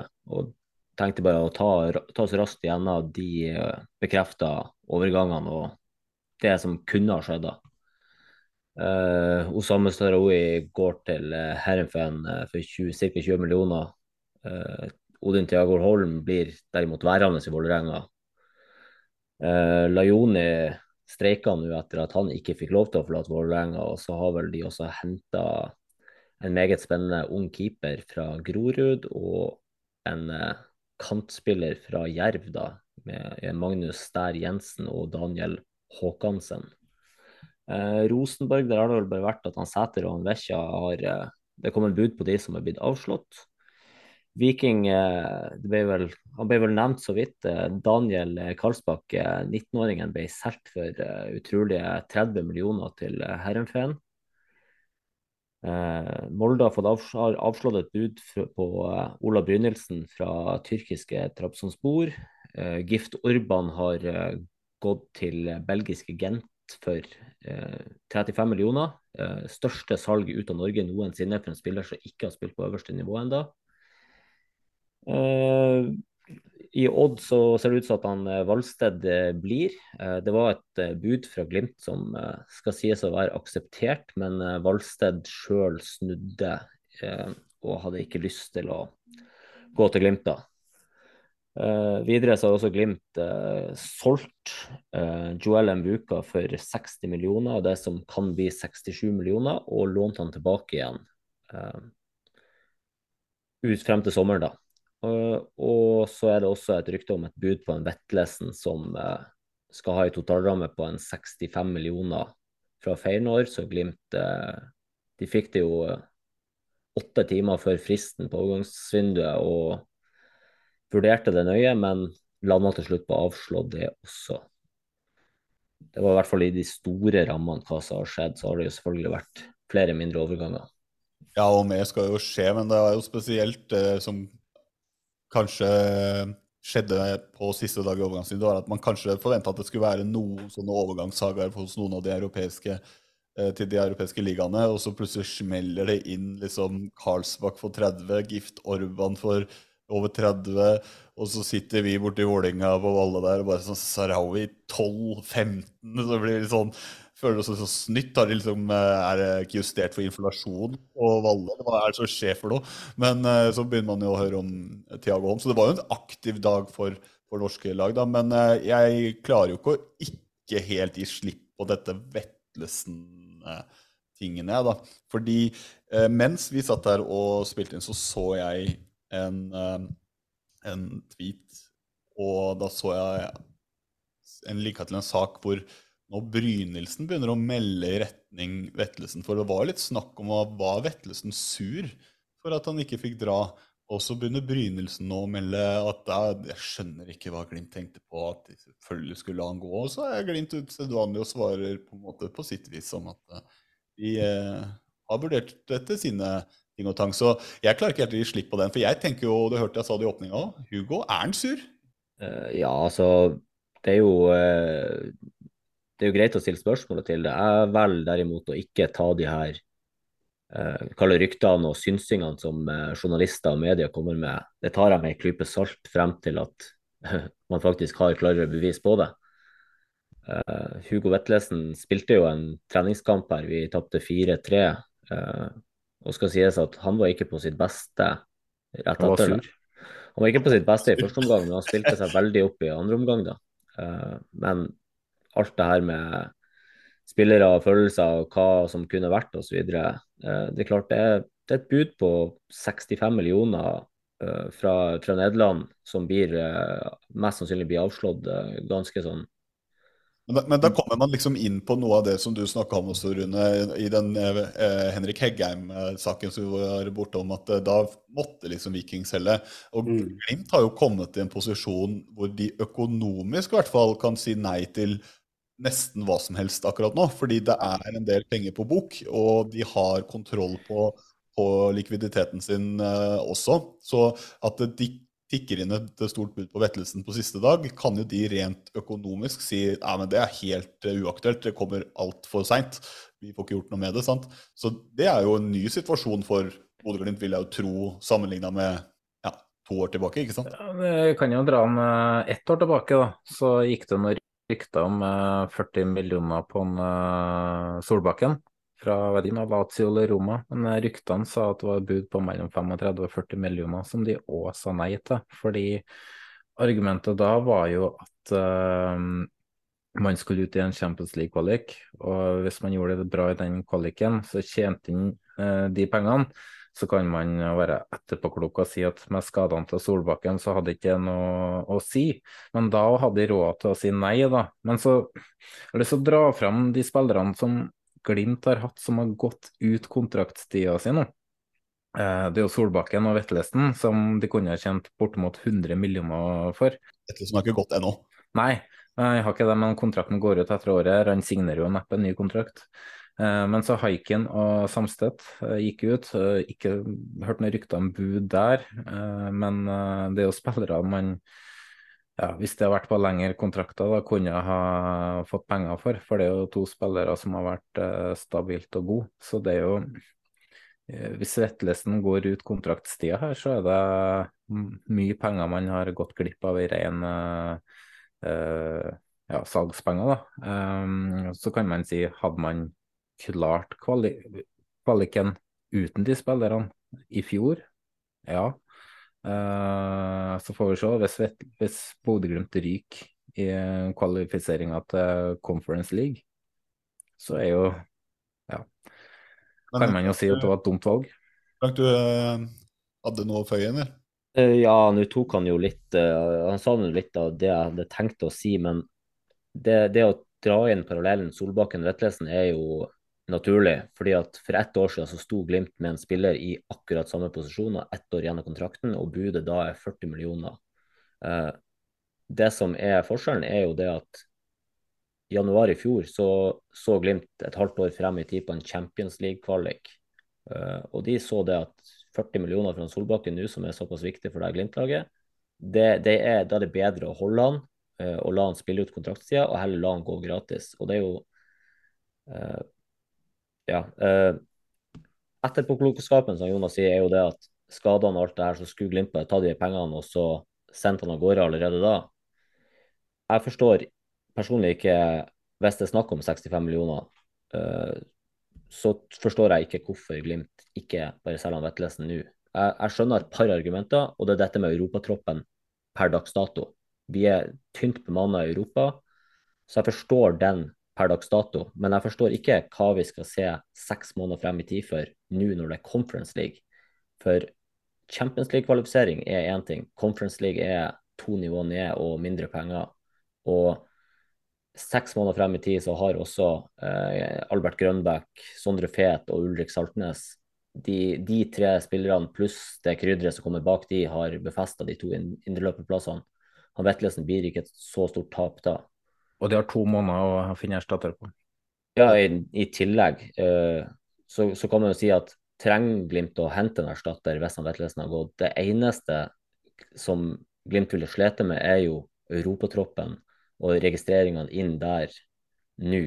Og det snakka vi om i episode 1 òg, at den er veldig tynn. Uh, Vetlesen er jo Nå er han jo suspendert i første kampen mot Poznan, men han er jo egentlig på papiret i dag en av to indreløpere Glimt har som er klar, som ikke enten har småplager eller er på opptrening tilbake etter operasjon. Dette er jo en av fordelene å holde med Vålerenga og Viking, Rune. Sånn Europa på vårparten er ikke så ofte vi trenger å ta stilling til januarvinduet.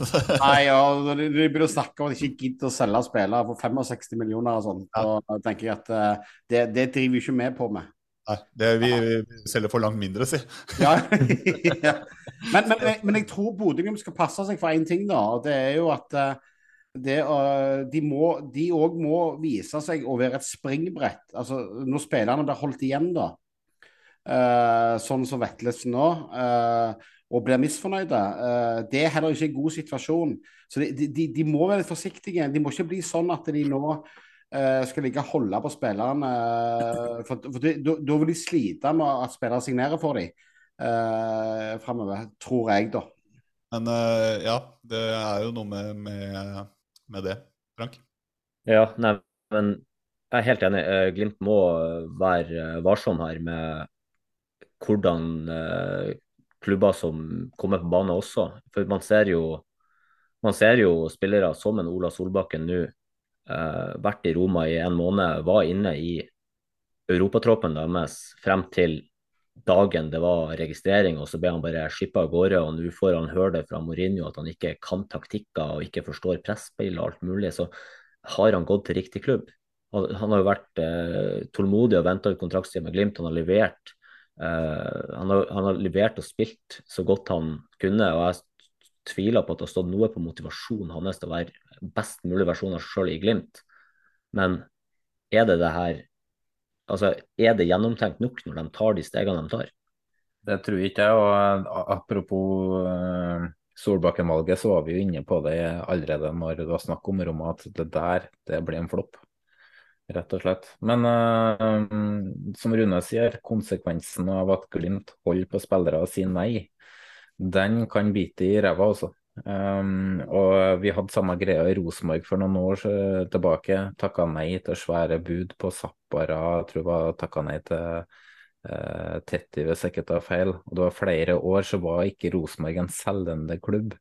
Det endte opp med at uh, talenter de gikk til Molde og uh, konkurrenter rundt, fordi de ville ikke være i Rosenborg i ti år som Strand og Hoften og sånn. De vil til Europa, de vil tjene penger.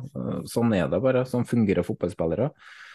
Og hvis, eh, hvis eh, Jeg tror hvis Rosenborg og Bodø-Glimt kjemper om samme spiller nå, og Molde eh, Det ligger like mye penger på bordet, så tror ikke jeg Bodø-Glimt blir prioritert pga. at de kanskje holder på spillere litt lenger enn hva de andre to klubbene gjør. Da.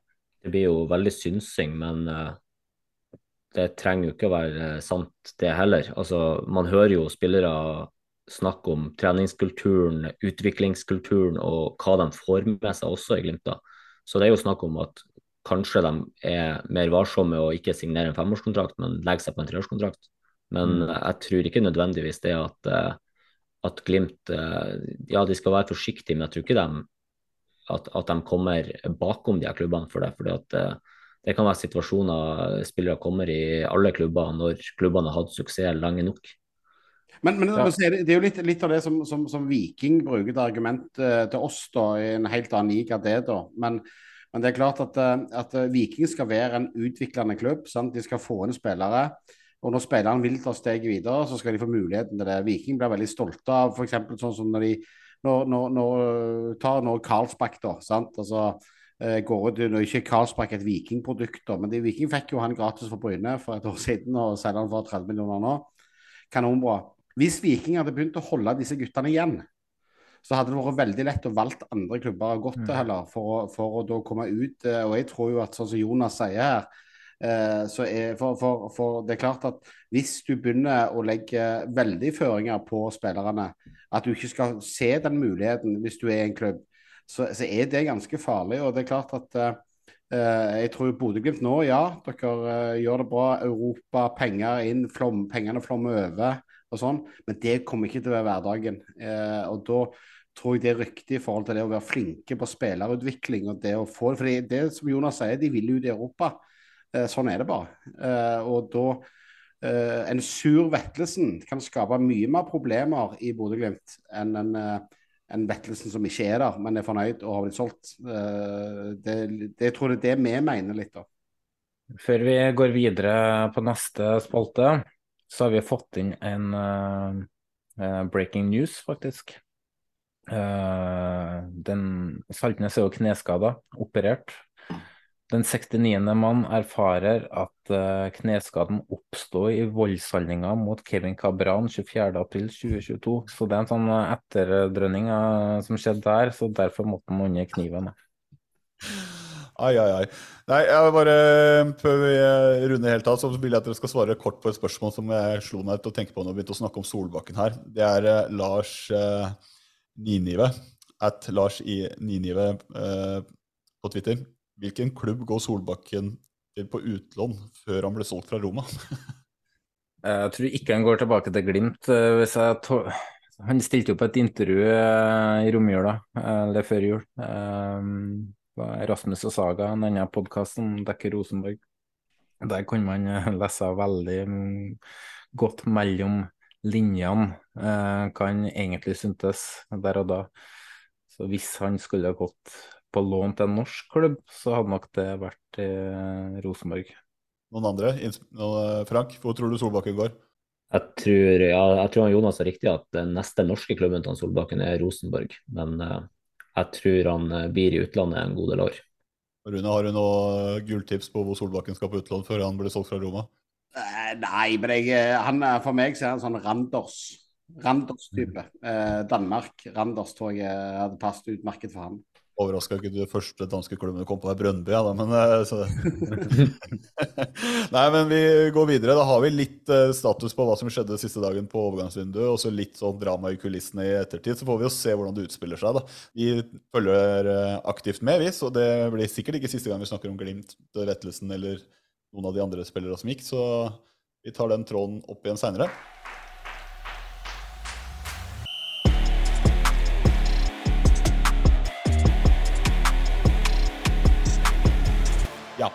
Da er vi eh, gått videre fra preseason. Eh, Vi skal se fram mot sesongen som kommer. Vi tenkte å se inn i krystallkula. Har dere pussa den? Ja, ja, ja. Jeg har sett den i framtida her. Ja, Pussa ballene mine hver dag, ja. Sa du? Pussa ballene mine hver dag. Ja, det er viktig å pusse krystallkula ofte, si. Så da eh, skal vi rett og slett spå. Hvem får sparken først? Hvem får det første røde kortet? Og hvem eh, skårer det første hat tricket i Eliteserien 2023? Da har vel alle laga seg en liten eh, liste med kandidater, så da kan vi egentlig bare begynne Vi begynner med gjesten, vi. Eh, Rune, hvem tror du får sparken først? Ja, jeg har tenkt litt på det der. Eh, og så Jeg kom ikke helt unna våre to eh, trenere her i Stavanger. Eh, de er nødt til å få en god start. Eh, de er vel de som gjerne av de store klubbene er mest utsatt i forhold til, forhold til dette. Så, og her må de gå, med i, altså gå Viking inn nå og ikke levere. Nå har vi kjempetøft program i begynnelsen. Eh, blant annet skal vi, vi skal vel Vi starter vel eh, borte mot Rosenborg, hjemme mot Lillestrøm. Så har vi vel Hjemme mot Rosenborg i cupen først. ja, ja, ja, i cupen først hjemme mot Rosenborg. Eh, så det er klart vi, vi har en tøff start. Så, så, så, så jeg er litt på de, da. Også, men så jeg klarer jeg ikke å la være den herlige tanken da, på at Dag Eilif Fagermo eh, er den som, som gjerne får trøbbel eh, tidlig her. Eh, at det er litt eh, bråk i reiret i Vålerenga. så, så nei, så jeg, eh, skal jeg gå for tipset mitt, så går jeg for Dag Eilif Fagermo, altså. Skulle tro jeg ble støtt av det, men jeg blir jo egentlig ikke det. det er der jeg er. Så det sier litt om hva jeg tenker om akkurat det der. Ja, Skal vi bare ta alle på sparken først, da, så tar vi, hopper videre til rødt kort etterpå. Frank, hvem får sparken først? Jeg nevnte det vel kanskje i første episode, men jeg tror han eh, Lars Arne Nilsen i Ålesund ryker først. Eh, dårlig start og litt sånn kjedelig defensivt orientert fotball, så får de nok der oppe og vil endre. Jonas? Nei, Jeg tenkte jeg skulle uh, gjesten vår litt, og så jeg tok jo trenerduoen i Viking. Men han gjorde det samme sjøl, men uh, jeg tror vi snakka jo litt om det sist, og jeg tror uh, de ligger veldig tynt an hvis de får en dårlig start. Nå møter de Rosenborg hjemme i cupen. Og så, nest, hvis de taper den, så er neste obligatoriske kamp Rosenborg borte. Da pleier de å slite. så de er avhengig av en eh, Det er ikke avhengig av å slå Rosenborg, men de er avhengig av en eh, god start. Hvis ikke så tror jeg tålmodigheten i Stavanger er, er borte. Jeg tror du har helt rett i det. Altså, men, men så vil det aldri være at kampene mot Rosenborg blir det som blir toneangivende for hva som skjer med trenerne. For det, det er jo ikke kamper med Det er ikke det som blir, blir, blir, satt som mål. Men det er klart når vi nå begynner å møte Tromsø, når vi da begynner å møte andre lag litt midt på nedover og sånn, og hvis jeg da ikke sitter Nei, og 4-3-3 må sitte for de nå, når de har gått inn for det. Så nei, de er, de er en meget uh, god kandidat for å ryke tidlig. Utsatt, rett og slett. Ja. Da skal jeg slenge inn mitt uh, tips. Jeg har gått, tenkt litt annen vei, for jeg spesifiserte vel ikke at det var første trener som får sparken, så jeg har tenkt litt annerledes. Jeg tror Lajoni ryker først, jeg. så, men jeg har backup, da, hvis dere insisterer på at jeg skal ha trener også. Så Lajoni er litt sånn snakker for seg sjæl, så får vi se om vi får en spillesparking. Det er jo sjelden bare, men det hadde vært litt artig, da. Men som trener så tenker jeg ja, Det er jo ikke unaturlig å tenke Jeg må innrømme at jeg var innom Vikingduoen, men jeg tenker også at det var noen skrale greier som foregikk på høsten i, borte i Sandefjord òg. Så jeg lanserer, lanserer denne Sandefjord-duoen i gåseøynene, om man kan si det sånn. Hans Erik Ødegaard og Andreas Tegstrøm som de som sannsynligvis ryker først. For hvis de fortsetter trenden også, så hva skal Hva skal Bugge gjøre da? Skal han si kontinuitet en hel sesong til og ta laget ned, eller skal han prøve å gjøre noen endringer? Enda en ny kontrakt. Nei, eh, eh, jeg kjenner jo litt folk i Sandefjord. og Spillerne eh, der satt de og venta på at de skulle få sparken i høst, og så fikk de ny kontrakt. Det var veldig få som skjønte noe om eh, verdens ting. Så ja, det spørs hva målsettinga deres er i år, da. Eh, Med troppen og stallen jeg har nå. Ja, ja. Så da er vi jo egentlig der, da, at vi har valgt forskjellige alternativer på alle. Men hvis jeg legger merke til, så var vel kanskje Rune og, og Jonas ganske på at Viking-trenerduoen er et uh, utsatt alternativ. Så det er vel den som stikker seg ut som flest uh, har nevnt, da. Mm. Jeg skyter inn at det er jo ikke trenerduo i Sandefjord. Det er Hans Erik Ødegaard som hovedtrener og Tegstrøm som er assistent. Men Tegstrøm er Einosen som har Uefa-lisensen, så um, derfor er de likestilt. Jeg måtte ta den i den der gåseøyne. Også. Ja. Opplæring av Jonas, Sandefjord-kongen. men uh, er det noen andre innvendinger på det, eller skal vi låse svaret på Vikingduoen da? For når vi svarer såpass spredt, så blir det jo vanskelig å bli enige, da. Jeg har skrevet outsider, så har jeg begge, både ditt og Frank sitt tips, faktisk. Men uh, det er jo to stykker som har samme, det. Så. Ja, jeg har egentlig også tenkt på begge de her kalde duoene. Ja. En av duoene, da. Skal vi være såpass, skal vi være såpass uh, sleipe at vi bare lanserer to navn, sånn at de har to lodd i potten? Ja, why not? Begge duoene, da. Mm. Ja. Skal vi videre på rødt kort? Jeg kan, uh, kan ta, ta, den, jeg. Uh, og starte i og med at jeg var avslutta sist. Så på det røde kortet så vil jeg rett og slett jeg bare se på første kampen, jeg, som, går, som gikk første runde. Hvis jeg ikke har titta helt feil, så er vel det RBK Viking som er den første matchen. Ja. Halv fire. Ja, så da blir det jo Jeg tenker jo at uh, det er jo sannsynlig at du kan få et rødt kort der. Uh, Henriksen eller Tripic. Jeg vet ikke. Det blir litt overivrig, litt overtenning hos, uh, hos store gutta. ikke helt usannsynlig det. Så hvem av de, hvis jeg skal velge en av de, da, så kan jeg jo Jeg kan kanskje gå trippels, da, fordi det er litt sånn Viking skal slå tilbake, kanskje. At det blir Finne den der formen som du snakka om, Rune, med de vi, vi, trekker oss ikke fra en takling. Nei. Tripic, da. Da skyter jeg òg inn med Erlend Dahl Reitan i samme kamp. Etter Tripic, eller?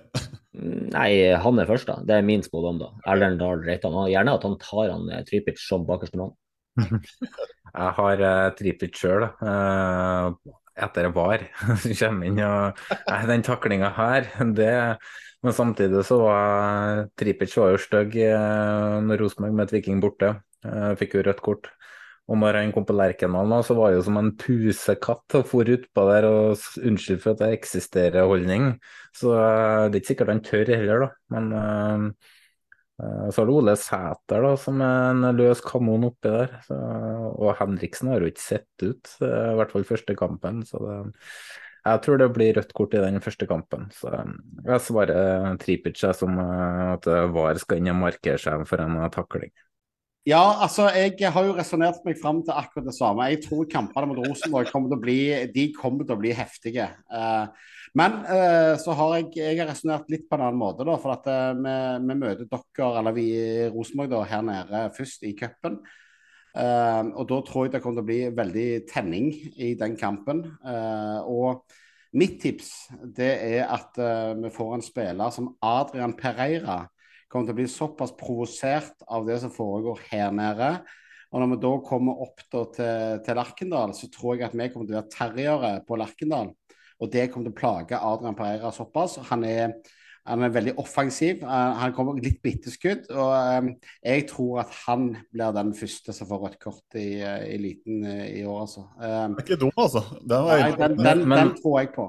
Jeg er enig i det han sier, men det, da må han jo spille. Ja, ja. ja, ja, han må jo spille. Det er jo en forutsetning. Tagseth har vært ekstremt god. Det kommer til å bygge seg opp noe i den cupkampen, det skal jeg garantere deg. Det, her kommer det til å bli det, Dette kommer til å bli stygt. altså, altså, Pereira kan jo få Slatko er, for, er for rutinert til å gå på de smellene der. Han er ikke den som går og pådrar seg rødt kort. Uh, i, i, i kamp tidlig. Slatko gjør ting som en ikke ser. Uh, så han, men han, han er for rutinert til det. Så det, det er ikke han. jeg tror det, Og så tror jeg, som Frank sier med Dahl Reitan òg, litt sånn uh, overkokt uh, ung gutt. eh, så fort òg kan gå på en sånn type smell. Men de etablerte gjør ikke det. Så du så Pereira i oppvarminga, du, da? For at han blir provosert? ja, men det ser for deg det her er Jonas, at uh, Pereira sitter uh, 70 minutter på benken i cupkampen og Takstedt spiller. Og så får Takset en liten eh, kjenning, så han må gå av. Spilt en kjempe, kjempematch, men inn med Pereira. Ja, det er siste 4-0, og hadde ikke noe? Ja, men så kommer han inn, da, og da har han jo sittet 70 minutter på benken uten å kunne få lov til å svare på det som kommer fra tribunen. ikke sant? Og så eh, klarer han å holde hodet kaldt i 20, 20 minutter, men så får han overtenning til eh, når han skal komme på Lerkendal. Men da er Takset ute med skade. Ja, og så står Felto og tenner på T-skjortene og holder opp, og så Og så, og så skal, skal du huske at eh, sist Pereira var her i Stavanger, så skåret han jo sjølmål. Eh, Ja. eh, så ja. Og, fil, og filma. Det, ja, så Men vi er i hvert fall veldig enige om at det røde kortet kommer i første match. Det er jeg, jeg tror VAR skal markere seg, altså. Det, det er sånn typisk. Nei, men eh, det var vel uh, Tripic på, to på Tripic, én en på Dal Reitan, en på Pereira. Så jeg tror alle er gode alternativer. Og det eneste vi kan si, da, at eh, det blir jo klink rødt i første match, da. Ja, ja. Vi må følge demokratiet, så vi kjører det, setter den på Tripic. Men for lytterne så sier vi eh, legg merke til navnene Dal Reitan og Adrian Pereira. Må, vi må skyte inn Henriksen nå, for hvis Rosenborg dominerer kampen mot Viking, og eh, Viking går rett på kontringen der oh. Ja, han, han slapp billig unna, i hvert fall i én kamp i fjor, der han tok wrestlingtak på en eh, HamKam-spiller, så Tripic inn på, eh, inn på det, tar den plassen, men følg med på Dahl Reitan, Pereira og Henriksen. Det er det vi sier. Mm. Ja. Så eh, Rune, da kan du få lov til å ta nominere hat trick. da. Den trenger ikke nødvendigvis komme i den kampen, men den gjør kanskje det? Nei, det, det tror jeg ikke det gjør. Jeg, Jeg, jeg er veldig sånn og Nå skal jeg si noe som jeg egentlig har vondt for å si, da. Men jeg tror første hat trick i år uh, det må komme av en eh, det, det- må være en klassespiss uh, for å få til hat trick. Eh, Viking skårer ikke så Jeg skal ikke være veldig lokal der, men jeg, dessverre da så tror jeg at det er Mr. Pellegrino som, eh, som eh, skårer det første hat trick i år. Eh, Det tror jeg. Frank? Ja, jeg har også eh, Pellegrino, og det er mulig at jeg pussa eh, kulene mine litt vel mye men jeg tror han skårer hat trick allerede hjemme i runde to mot Stabæk. Jeg eh, kikka litt på terminlista. først så begynte jeg å se på hvem er som møter Sandefjord. Det var HamKam første kampen, og de skårer jo ikke mål. Det er altså HamKam-Sandefjord i første kamp. Det er jo to dumpekandidater. ja. Eh, jeg husker ikke noe andre seriekamp, men i tredje seriekamp så skal Sandefjord til Lerkendal. Så da markerte jeg Ole Sæter, men så tenkte jeg det er så kjedelig å svare. Så jeg går for eh, runde to. Godset, Ålesund, Markus Menert. Oi, den er, den er frekk. Jeg, Jeg eh, har også kikka på første, første kampen mellom Sandefjord og HamKam, jeg må innrømme det. Men i motsetning til deg, så tenker jeg at uh, HamKam har jo Henrik Udal, så selvfølgelig blir det blink Henrik Udal 3-0. Og så uh, skårer han alle måla. Gjerne i løpet av første omgang. Men Men ni, å hente femmeterne, han har dribla hele laget. ja, ja, ja, det er klink Henrik Udal uh, som tar den første. Eh, Men eh, jeg har også en backup, da, og det er jo den litt mer safe eh, varianten. Og det er selvfølgelig Pellegrino, som jeg også har sett meg ut. Så det høres ut som at eh, Pellegrino er vår favoritt, da, hvis jeg skal oppsummere her. Ja. Så da har vi det. Da er det sånn at uh, første som får eh, sparken, er én av de to duoene. Det er en trenerduo som ryker først. Tripic får det rød, og Pellegrino skårer første hat-tricket. Dere hørte det først på den 69. mann.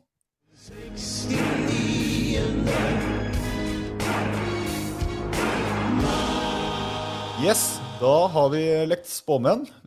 Skal vi fyre av noen spørsmål, da? Skal vi bevege oss over til eh, Twitter-hjørnet?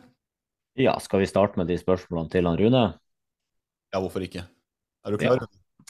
Kjør på. Da har vi fått spørsmål fra en eh, Øyvind eh, Kalsås, at O Kalsas. Hvilken kamp for Viking i årets sesong er viktigst for deg personlig at de vinner?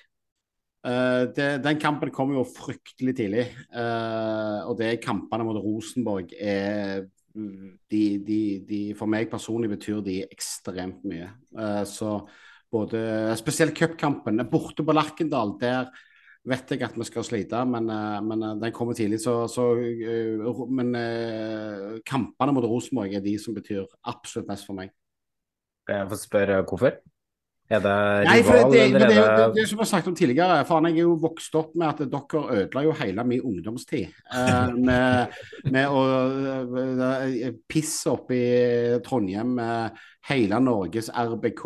Med, uansett vet du, med, med, hva, vi, hva vi gjorde, så hadde vi ikke sjans. Sant? Altså, det var, hele 90-tallet var jo bombardert av Rosenborg. og Jeg klarer ikke å slippe det. For meg så er Eh, Rosenborg blir, er og blir eh, min eh, nemesis, altså. Eh, og det, det, det, der har jeg et veldig iboende hat, rett og slett. Den første kampen jeg var på Lerkendal, eh, kanskje var jeg ti år. Eh, eh, bodde jo et godt stykke utenfor Trondheim, da. Det var i hvert fall to timer. Eh, så da var jeg så på Rosenborg Viking 1-1. Petter Kopteff uh, banka inn et mål fra 30 meter stolpe inn. Men, men Så så, vet, så vet du, til og med Nils Arne Eggen da, i hans glansdager, eh, han sa jo det at det å komme til Stavanger, det var alltid veldig fiendtlig. Altså, det- var- de de syntes jo alltid det var eh, skummelt, spesielt når de eh, med sittetribunen på gamle Stavanger stadion, altså den sida der, den var det det var eh, så, så, så Viking Rosenborg har jo alltid vært eh, en, en, sånn en greie, da, spesielt, og da spesielt i forhold til 90-tallet. da. Og så er vi jo såpass langt bak, og, og det, det gjør jo at det, det, det er jo spesielle følelser i, i sving når vi møter Rosenborg. Iallfall for sånne som meg, da. Så vet jeg jo at en del av de nye eh, yngre supporterne har andre lag de misliker sterkt, men jeg for min del Rosenborg. Hvordan greide du da å holde ut med Alexander Larsen Nei, men det, det er jo av og til sånn at du er nødt til å ha en jobb. Og da eh, hender det jo at det dukker opp folk fra andre landsdeler. og Alexander Larsen var jo et eh, kjempeeksempel. Nei, altså, altså vi, skal, vi skal fortsatt klare å holde, holde eh, det personlige vekke. Alexander er en eh, meget fin type, selv om han skrøyter vel mye av at han har sittet på benken for Ranheim. eh, så, så, så en bra fyr. Ja, men Da svarer vel eh, kanskje neste spørsmål ganske greit på eh, seg selv. da. Eh, Det er Erik SS, eller at Erik Skje på Twitter. Hvilket forhold har vikingfans til Adrian Pereira? Nei, det, det, det er jo altså det, det, er klart at Adrian Pereira han, han er jo i min klubb eh, altså i bredden da, i, her i Stavanger, er SIF. Og det er jo der Adrian Pereira er eh, født og oppvokst. Han er SIF-gutt. Um, sånn utgangspunktet.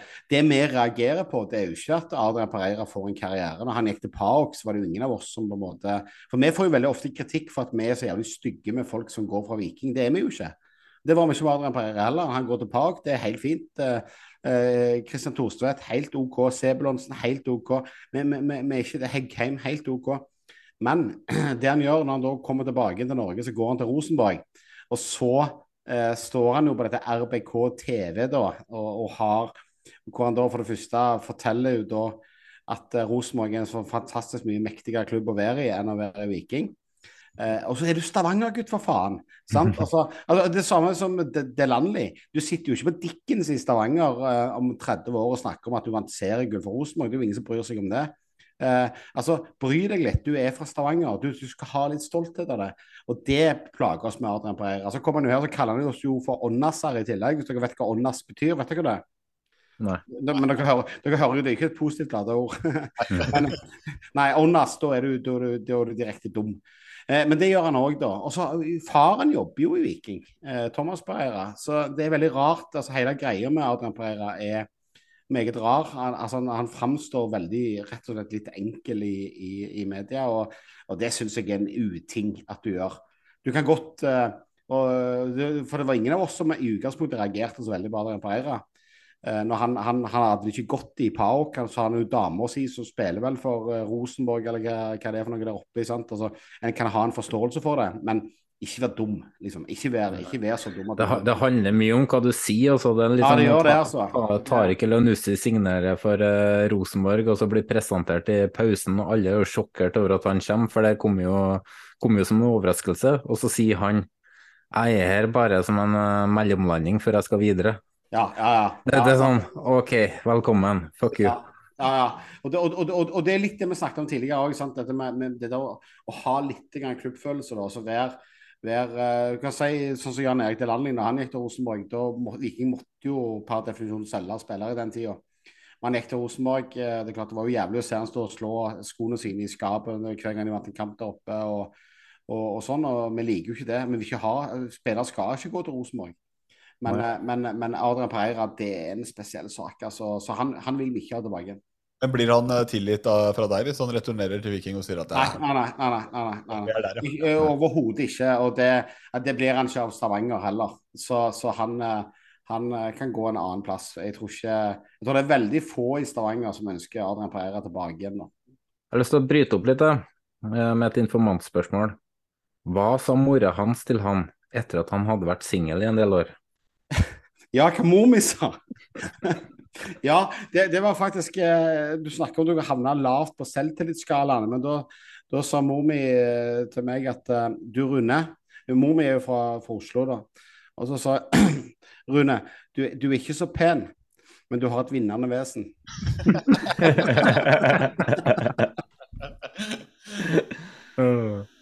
Ja, Skal vi gå videre, eller? Ja, ja, kjør. Andreas Svendsen, at Andreas S. Hidle. Hva er hans personlige rekord i høydehopp?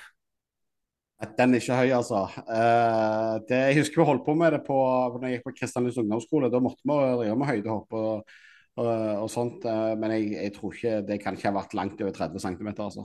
Eh, det, er ikke, det, er ikke, det er ikke min det er, altså, jeg, Newton jobber mot meg. Ja. Jeg, jeg snittet i panelet, det. Nei, Ah, ja? Å ja, det var høyde vi snakka om nå. Sorry. Sorry. Nei, men uh, Vi snakka jo litt om det i stad, men Jon spør, eller at eh, STVG eh, 1899, hvor fint er det å ha en åpen dialog med ansatte i Viking, som mange supportere her har? Jo, altså, altså og det, det er jo det som jeg sa litt tidligere, det er jo det Viking har blitt veldig flinke på. altså det, de, de, de har en veldig åpen, eller Vi har en åpen dialog. Eh, sånn som nå med, med, med Felt òg, så har vi en veldig åpen dialog med klubben. Eh, ikke at eh, klubben bestemmer hva vi skal gjøre, for det gjør de aldri. Vi, er veldig opptatt av det, at det, vi skal aldri være klubbstyrte. Men det å kunne uh, ta en telefon eh, hvis det er noe, hvis noe vi lurer på, noe de lurer på, og sånt. Og det, eh, så klubben har blitt veldig da, transparent da, eh, i, i siste åra, eh, i motsetning til hva de var eh, f.eks. under Åge Hareide, hvor, hvor de skjulte treningene. De gjør det for så vidt ennå, men, men de, de er veldig sånn og de er med, Vi har jo en egen podkast, og der har vi jo alltid tilgang på, på folk i administrasjon, trenerapparat, spillere. altså eh, Viking har blitt en veldig fin klubb eh, på, på, på de tingene der. da, og det, og det syns vi er positivt. Nå, nå var vi jo på NSA-seminaret nå i helga. Vi snakket ut om Bodø-Glimt her. Eh, Bodø-Glimt er jo en klubb som, som kanskje ikke helt eh, har den gode dialogen f.eks. med med supporterne. Der, der er Viking flinke, og de er veldig ærlige. Og de er veldig direkte òg. Altså, de tør å være direkte med oss, og vi tør å være direkte med de. Eh, så det, det er en eh, ja, det har blitt en veldig styrke i klubben. da, og det, og det ser vi jo litt sånn som i forhold til eh, så Ta Vålerenga òg, med markedssjefen dere har i Vålerenga, som er veldig transparent, ønsker innspill, er liksom en av supporternes mann. Eh, eller eh, ja, en supporternes mann. Uh, og Det tror jeg er det, det, den rette måten å være på i, i, i dag. For at vi, har- vi har jo alle et felles mål, og det er norsk fotball. Altså Det må vi aldri glemme. Det er norsk fotball vi ønsker. Og, og klubbene er ingenting uten oss supportere. Ingenting. Jeg, jeg hørte det du sa om, eh, om Glimt, og jeg må jo bare si at som supporter så misunner jeg jo uh, mye av det som gjøres i Stavanger. Uh, det virker som at det, det er en plass for alle. Og så, det, er ikke, det er ikke så bekmørkt som sikkert folk utenfor Glimt tror det er her, men igjen, jeg ser på dere med misunnelse for det òg. Mm, mm. Ja, altså, altså, altså, men så tror jeg på en måte at det at vi har fått inn? Altså, nå har Vi jo, vi, vi, vi har folk i klubben nå som, som skjønner at de må spille på lag for at vi skal lykkes sammen. Altså, De er litt der, da. sant? Uh, og, det, og det er jo en sånn en, eh, en ting som jeg tror gjerne fint kunne vært adoptert fra veldig mange andre klubber i Norge. Uh, for det gjør jo at, så, Samme var jo med dette med medlemsdemokrati. Vi snakker om dette med Qatar-VM. Uh, vi var inne på medlemssida i Viking. Vi lærte jo mye av ja, Det var jo dere i Glimt veldig flinke Brann eh, veldig flinke. altså dette at Vi òg supporter tar eierskap til klubbene våre. Det tror jeg er viktig. altså Vi må, vi har litt ansvar vi òg, hvis vi skal få endring i klubbene, endring i vedtekter, skal bry oss om klubbene, så må vi faktisk òg engasjere oss litt utenom bare det som er kamp. Uh, tror jeg. Det, det, så det har vært litt sånn som begge veier da i, i, i, Norge, og det er bra. Helt enig. Jeg mener at uh, alle som er glad i en klubb, uh, skal melde seg inn i klubben sin. Helt enig. Skal vi bare dundre på med spørsmål fra Børge Moi Nilsen, da? Et uh, Borge Moi Nilsen? Det er markedssjefen til Viking. Ok, ja, Hva gjør du så ofte på vippen på SR Bank Arena? Er du ofte der, spør han? Ja, Nei, det er jeg egentlig aldri. Men i dette tilfellet her så var jeg der i forbindelse med at uh, en god kamerat av meg, han er materialforvalter i Viking, Stian Refvik, uh, han hadde bursdag. Uh, og Da feirte han det oppe på, på vippen på stadion. og Så skulle jeg egentlig gå hjem, men så kom det på da en sånn sang. Uh, en sånn svensktoppsang. Og så hvor jeg ble litt engasjert, og da, da endte opp dette i klippet. Men nei, jeg er ikke ofte på vippen på Viking stadion. Der uh, liker vi stas dårlig. Ryger et pillefygert spør om uh, du har noen røverhistorier fra Bermen-tida. Fra Bermen, ja, ja. Eh, gode gamle Vikingbermen var jo stifta i 1993. Jeg var jo ikke gammel nok til å være med i Vikingbermen, det var jo ordentlig galne gutter. Eh, var En liten digresjon er at Vikinghordene de feirer jo nå 30-årsjubileum i, i, år. De, men de har stjålet fem år av Bermen, da. Men det snakker de ikke om, da. Uh, men uh, Bermen var, et, uh, var en litt sånn spennende gruppering i den tida. Det var jo i, i, meget harry.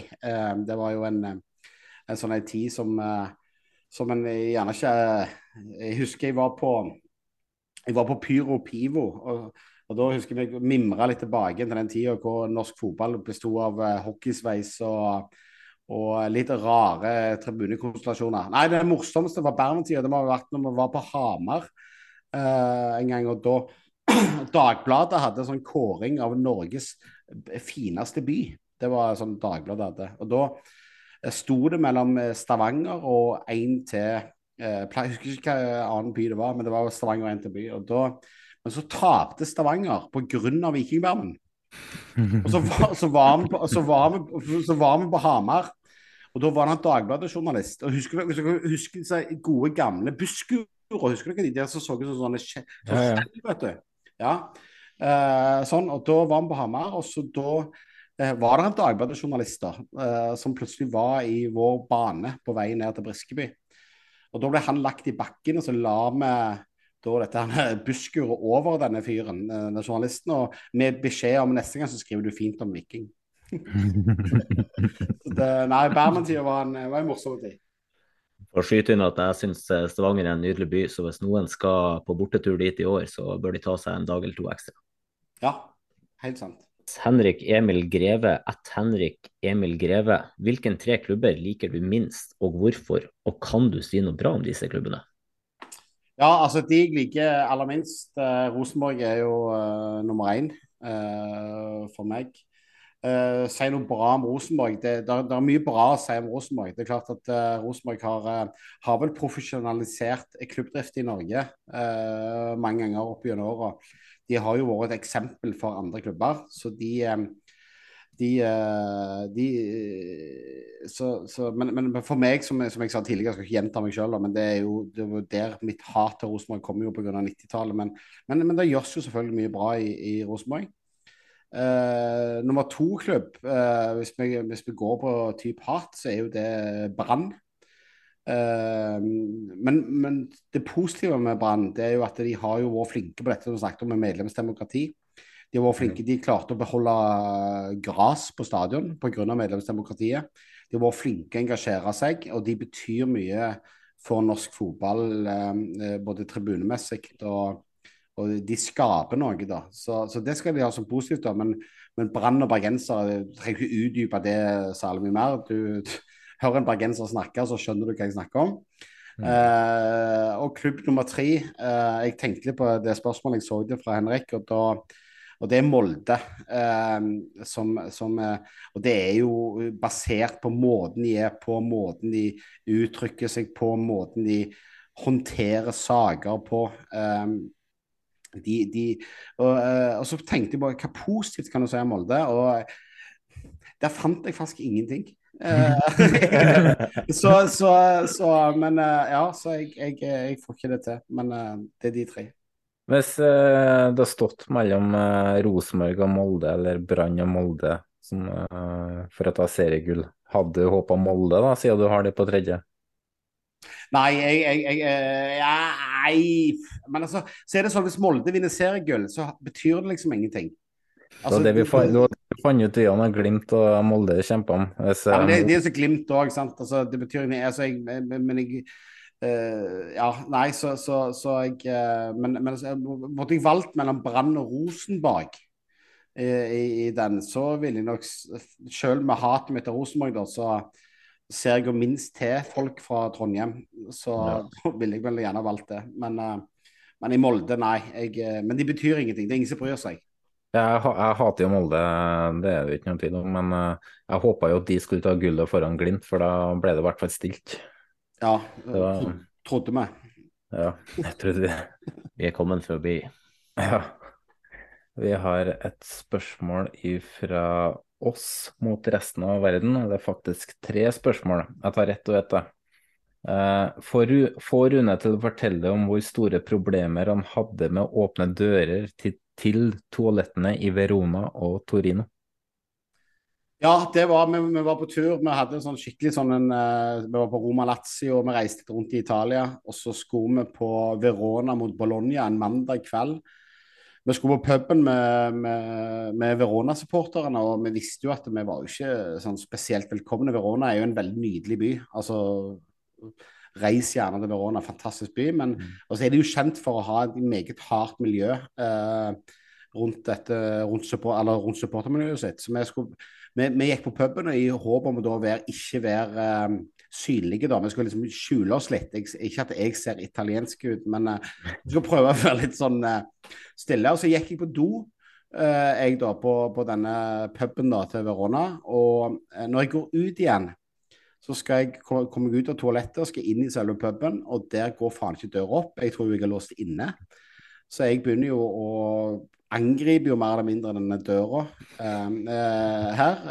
og så viser det seg jo da at for den var jo ikke igjen når jeg gikk inn, og dette viser seg å være da ei skyvedør. Så, så, så, så, da Det ble en meget pinlig affære da i, i, Verona. Så det var Ja. Eh, på samme tur, hva gjorde han egentlig når kompisen, kompisen hans sov på nettene? Ja, eh, greia var at vi hadde Han jeg reiste med da, han er jo italiensk, han har mye venner der nede. Så han hadde jo fiksa et, uh, en slags suitesak uh, med flere etasjer. Problemet der var jo at det var jo jævlig varmt på det rommet. Uh, så det gjorde at jeg fikk ikke sove. Så jeg, så jeg, jeg sov på alt. Jeg sov i stoler, jeg sov i, i sofa. Jeg prøvde alt for å bli kjøla meg ned. Uh, så jeg var, jeg, hver gang han våkna, så sov jeg en annen plass. Jeg, uh, så det var vel det, tror jeg. Ja. og tok han dofinta på treningskampen i Sandnes forrige helg? Ja, det gjorde jeg. Eh, da var jeg eh, vi, vi, begynte jo litt Vi var jo litt sånn gira på å starte sesongen. og, eh, og sånn, så Vi var jo på pub på Sandnes klokka halv to, tror jeg. Og så var jeg jo da så jævlig smart at jeg begynte med eh, øl og Jeger halv to. uh, med kampstart klokka seks. Det er en meget dårlig kombo. Og da ble jeg det vi i Stavanger kaller for dritas. Uh, og så og så på kvelden, da, så Jeg tror vel egentlig ikke dofint, da. Jeg sa vel bare at nå går jeg hjem. Så det var, ja. ja.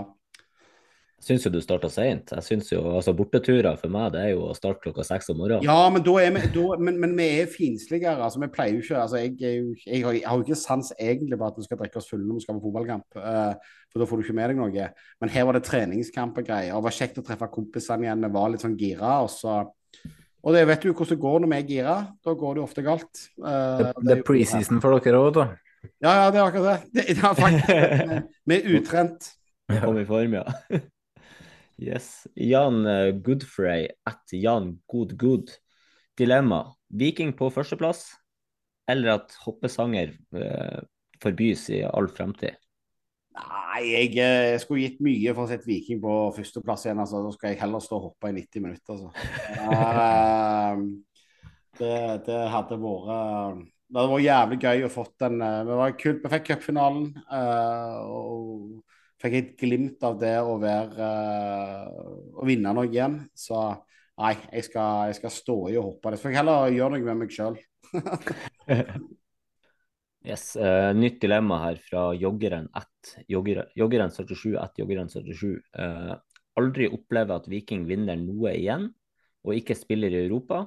Eller én ukers ferie til Syden på tremannsrom med Adrian Pereira og Veton Berisha. I så fall, hvem hadde han delt dobbeltseng med? Ja, ja eh, jeg, jeg, tok jo sydentur da med disse, så skulle jeg godt tenkt meg Jeg kunne delt dobbeltseng med, med Veton. Eh, men da hadde ikke han spilt fotball igjen etterpå.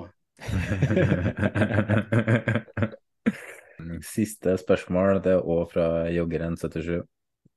Uh, hvilke lag som ikke er der, ville han hatt i Eliteserien? Og hvilke som er der, hadde ikke trengt å være, være der? Ja, den er ganske enkel. Jeg kunne godt tenkt meg start opp igjen. Eh, Start har vært viktig for norsk fotball, så jeg vil ha start opp igjen. Eh, Syns òg for så vidt Fredrikstad var gøy å ha opp igjen. Og så kunne jeg tenkt meg å kvitte meg med Sandefjord. Det er det ingen som har behov for å ha. Eh, og, eh, så Sandefjord er en, en klubb jeg eh, Eller norsk fotball ikke trenger der oppe. Så de, nå ble vi kvittet så mye i Kristiansund. Eh, og Sandefjord kunne vi godt bare fått vekk. Så. Kan tenke litt på meg, da, som bor rett utenfor Sandefjord og har muligheten til å få Rosenborg på kortvisitt.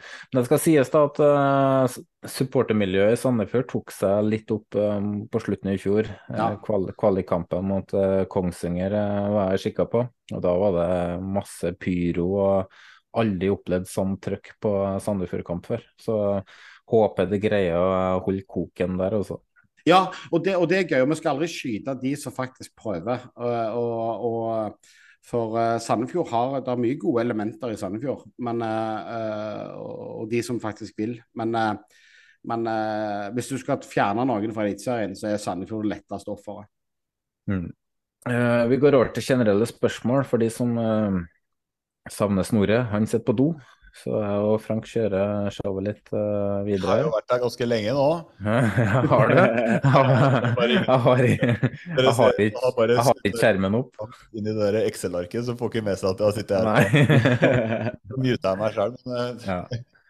ja, over til litt eh, generelle spørsmål. Uh, første spørsmål er fra Jan Godfrey. Litt 69-spørsmål. Hvilken fotballspiller har sin egen sexposisjon, og hvordan er den? For eksempel Det Saltnes å ta noen på kne. ja, må vi egentlig legge til noe der? Er det ikke det klink kandidat? Jo, den er jo, eh, den er jo fin, og så har jo Pereira en sånn twerk-dans, da. Men uh, den er vel brukt. Altså ny sexstilling. Det må jo være um, Det må jo være um, uh, Sæter, da. Når han griner for at han ikke får uh, pengene sine, så må eh, stå på kne og ta imot. Du er, vant, du er vant med gråtesex, du? Ja.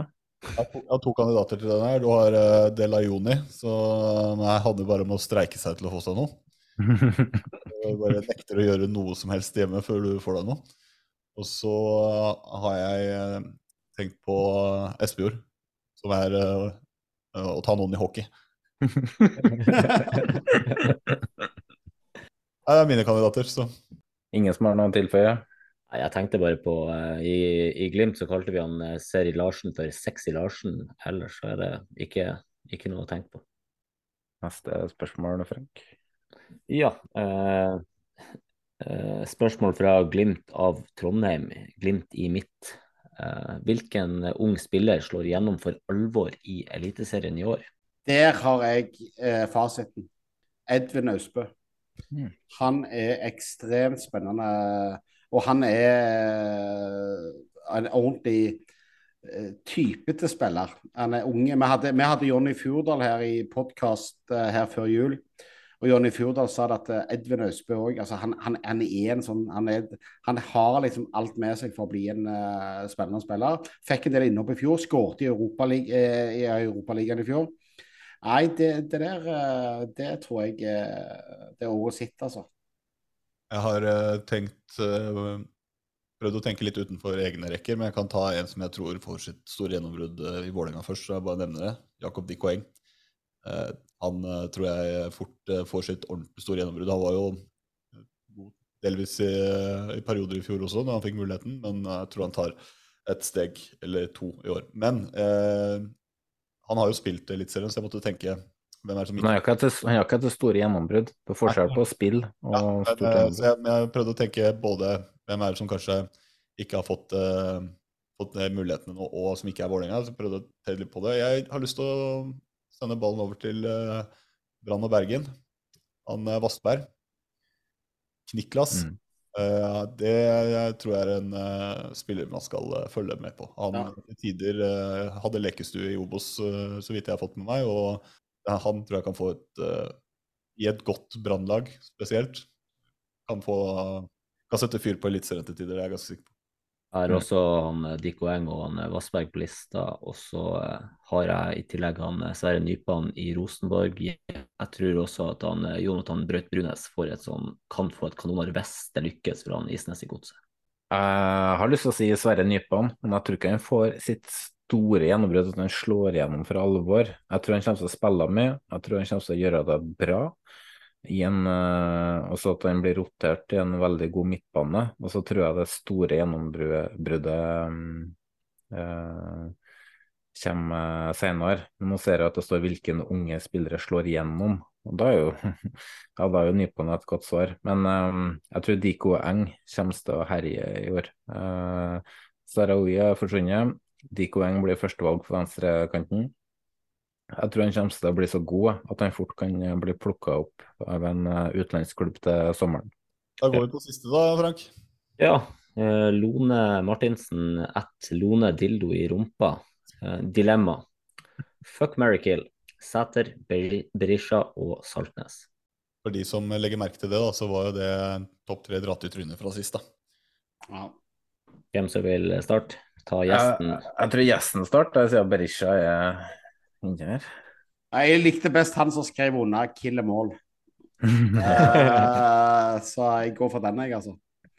Jeg eh, tipper, tenker at jeg dreper en Berisha. Han spiller jo Molde, så får han ikke uh, gjort noe der. Så gifter jeg meg med Sæter, for han stikker av uansett. Og så puler jeg Saltnes fordi han ser ut som ei jente, og så greier han ikke å spille på et par uker etterpå. da svarer jeg uh, at uh, jeg uh, gifter meg med Berisha, for han har penga. Og Sæter har looken, så da blir det fuck på han. Og da har vi en uh, Saltnes, da. Sorry. Det, det var ikke noe vondt med men du ble en til slutt. Ja, jeg er på samme som Jonas. Jeg tar livet av Berisha. Jeg gifter meg med Sæter, og så lugger jeg en Saltnes i Doggstad. Ja, ja, ja. Nei, men Da var vi ferdig med Twitter-hjørner for uh, denne gang. Vi uh, nærmer oss uh, slutten på nok en kort Den 69. mann-episode. Men før vi runder av med en ny innlemmelse i 69-himmelen, som blir vår faste avslutning, så er vi selvfølgelig nødt til å takke noen. Vi må først og fremst takke deg, Rune Edvardsen, som har stilt opp som vår aller første gjest. Takk for det. Veldig kjekt å få lov å være med. Ja, det var bare kos og god stemning eh, å ha deg med. Så snakkes forhåpentligvis igjen en gang. Ja, nok det. Og så må vi også sende en stor eh, takk til Vestfold Lydstudio, eh, Lydstudio for ny åpningsjingle. Det var, var, gull å få den på plass, så tusen hjertelig takk for det. Jesper Horten Kjærnes for jingler og bakgrunnsmusikk og avslutningsjingle. Eh, en ekstra takk til eh, Alexander Larsen for eh, introen som, og info der på dagens gjest. Og sist, men absolutt ikke minst, tusen takk til alle våre lyttere for alle spørsmål, for de spørsmålene vi har lest opp, fordi vi ikke fant tid til denne gang, og for at dere faktisk gidder å høre på oss, og for alle konstruktive og hyggelige tilbakemeldinger fra forrige uke. Tusen hjertelig takk for det. Vi er tilbake om en drøy uke, så Ha det så lenge. Klubbrekorder. De er det mange av. Og som ordet tilsier, alle klubber har sine egne rekorder. Flest kamper, flest mål. Adelskalender og toppskårerliste. Listen over legender. Men også slik som tilskuertall, største tap og største seier kan være rekorder. Men klubbrekorder er sjelden noe som skaper de helt store overskriftene utenfor ens egen lille sfære. Selv om enkelte klubbrekorder selvsagt burde det. Og ikke alle rekorder nevnes det ofte de bør, selv internt. For noen rekorder er virkelig imponerende. Som en som tilhører William Danielsen. William kom til verden 9.12.1915 i Stavanger. Som både spiller og trener tjenestegjorde han i Viking. Debuten kom i 1931, bare 15 år gammel. Og allerede to år senere skulle den nevnte klubbrekorden påbegynnes. Danielsen fikk 370 kamper for Viking som spiller. 180 mål. Ingen av dem klubbrekord. Han noterte seg også for seks A-landskamper og ett mål.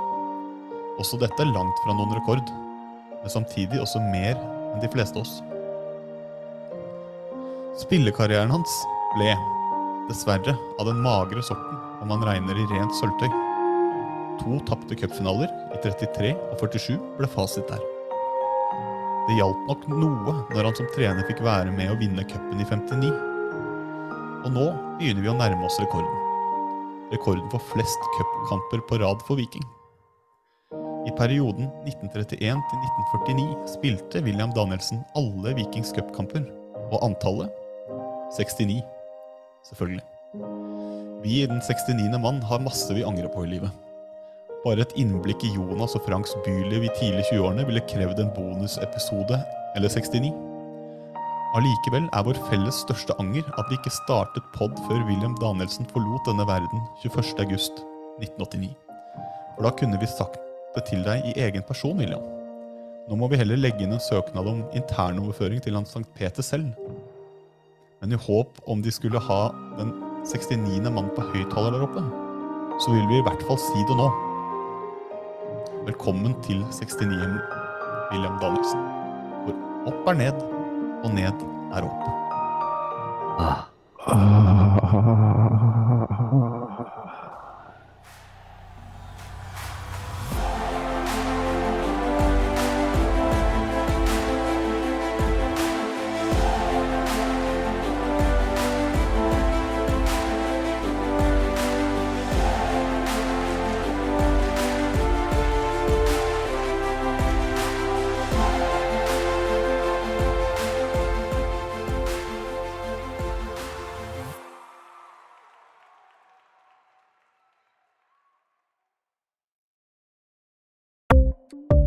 Ukens annonsør er HelloFresh. HelloFresh er verdens ledende matkasseleverandør og kan være redningen i en travel hverdag. Mange av oss har nok vandret i butikken både sultne og uten en plan for middagen, som ender med at vi går for de samme kjedelige rettene gang på gang. Middag burde være dagens høydepunkt. Som HelloFresh kan du nå velge mellom 25 ulike retter hver eneste uke, eller få HelloFresh til å sette sammen menyen for deg. Dette gir deg muligheten til å prøve nye og spennende retter alene eller sammen med familien. Du velger antall porsjoner og får alt levert på døren på et tidspunkt som passer for deg.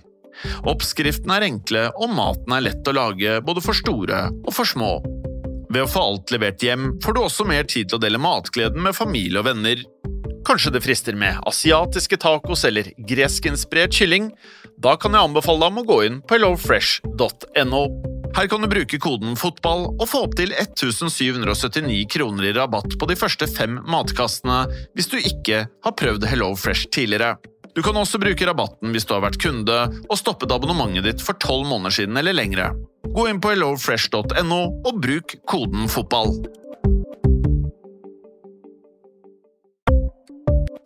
Ukens annonsør er Folio, en smartere banktjeneste for deg som har en egen bedrift eller ønsker å starte for deg selv. Folio er en superenkel nettbank for bedrifter. Som kunde i Folio får du en bedriftskonto med et bedriftskort og app. I denne appen er det smarte løsninger som forenkler regnskapet ditt, uansett om du har en liten bedrift eller et enkeltpersonsforetak. Folio er både intuitivt og brukervennlig, og er laget med et enkelt språk. I tillegg tilbyr de forutsigbare priser og ingen skjulte gebyrer. Skulle du likevel trenge det, så kan du snakke med deres raske og hyggelige kundeservice, og der får du prate med en faktisk person og ikke en chatbot. Folio er med andre ord både enklere og koseligere enn banken. Over 10 000 bedrifter har allerede valgt Folio som sin banktjeneste, så besøk folio.no og se hvordan Folio kan forenkle din hverdag også. Har du et enkeltpersonforetak eller en liten bedrift? Da er du sikkert lei av å høre meg snakke om hvor enkelt det er med kvitteringer og bilag i fiken, så vi gir oss her, vi. Fordi vi liker enkelt. Fiken superenkelt regnskap.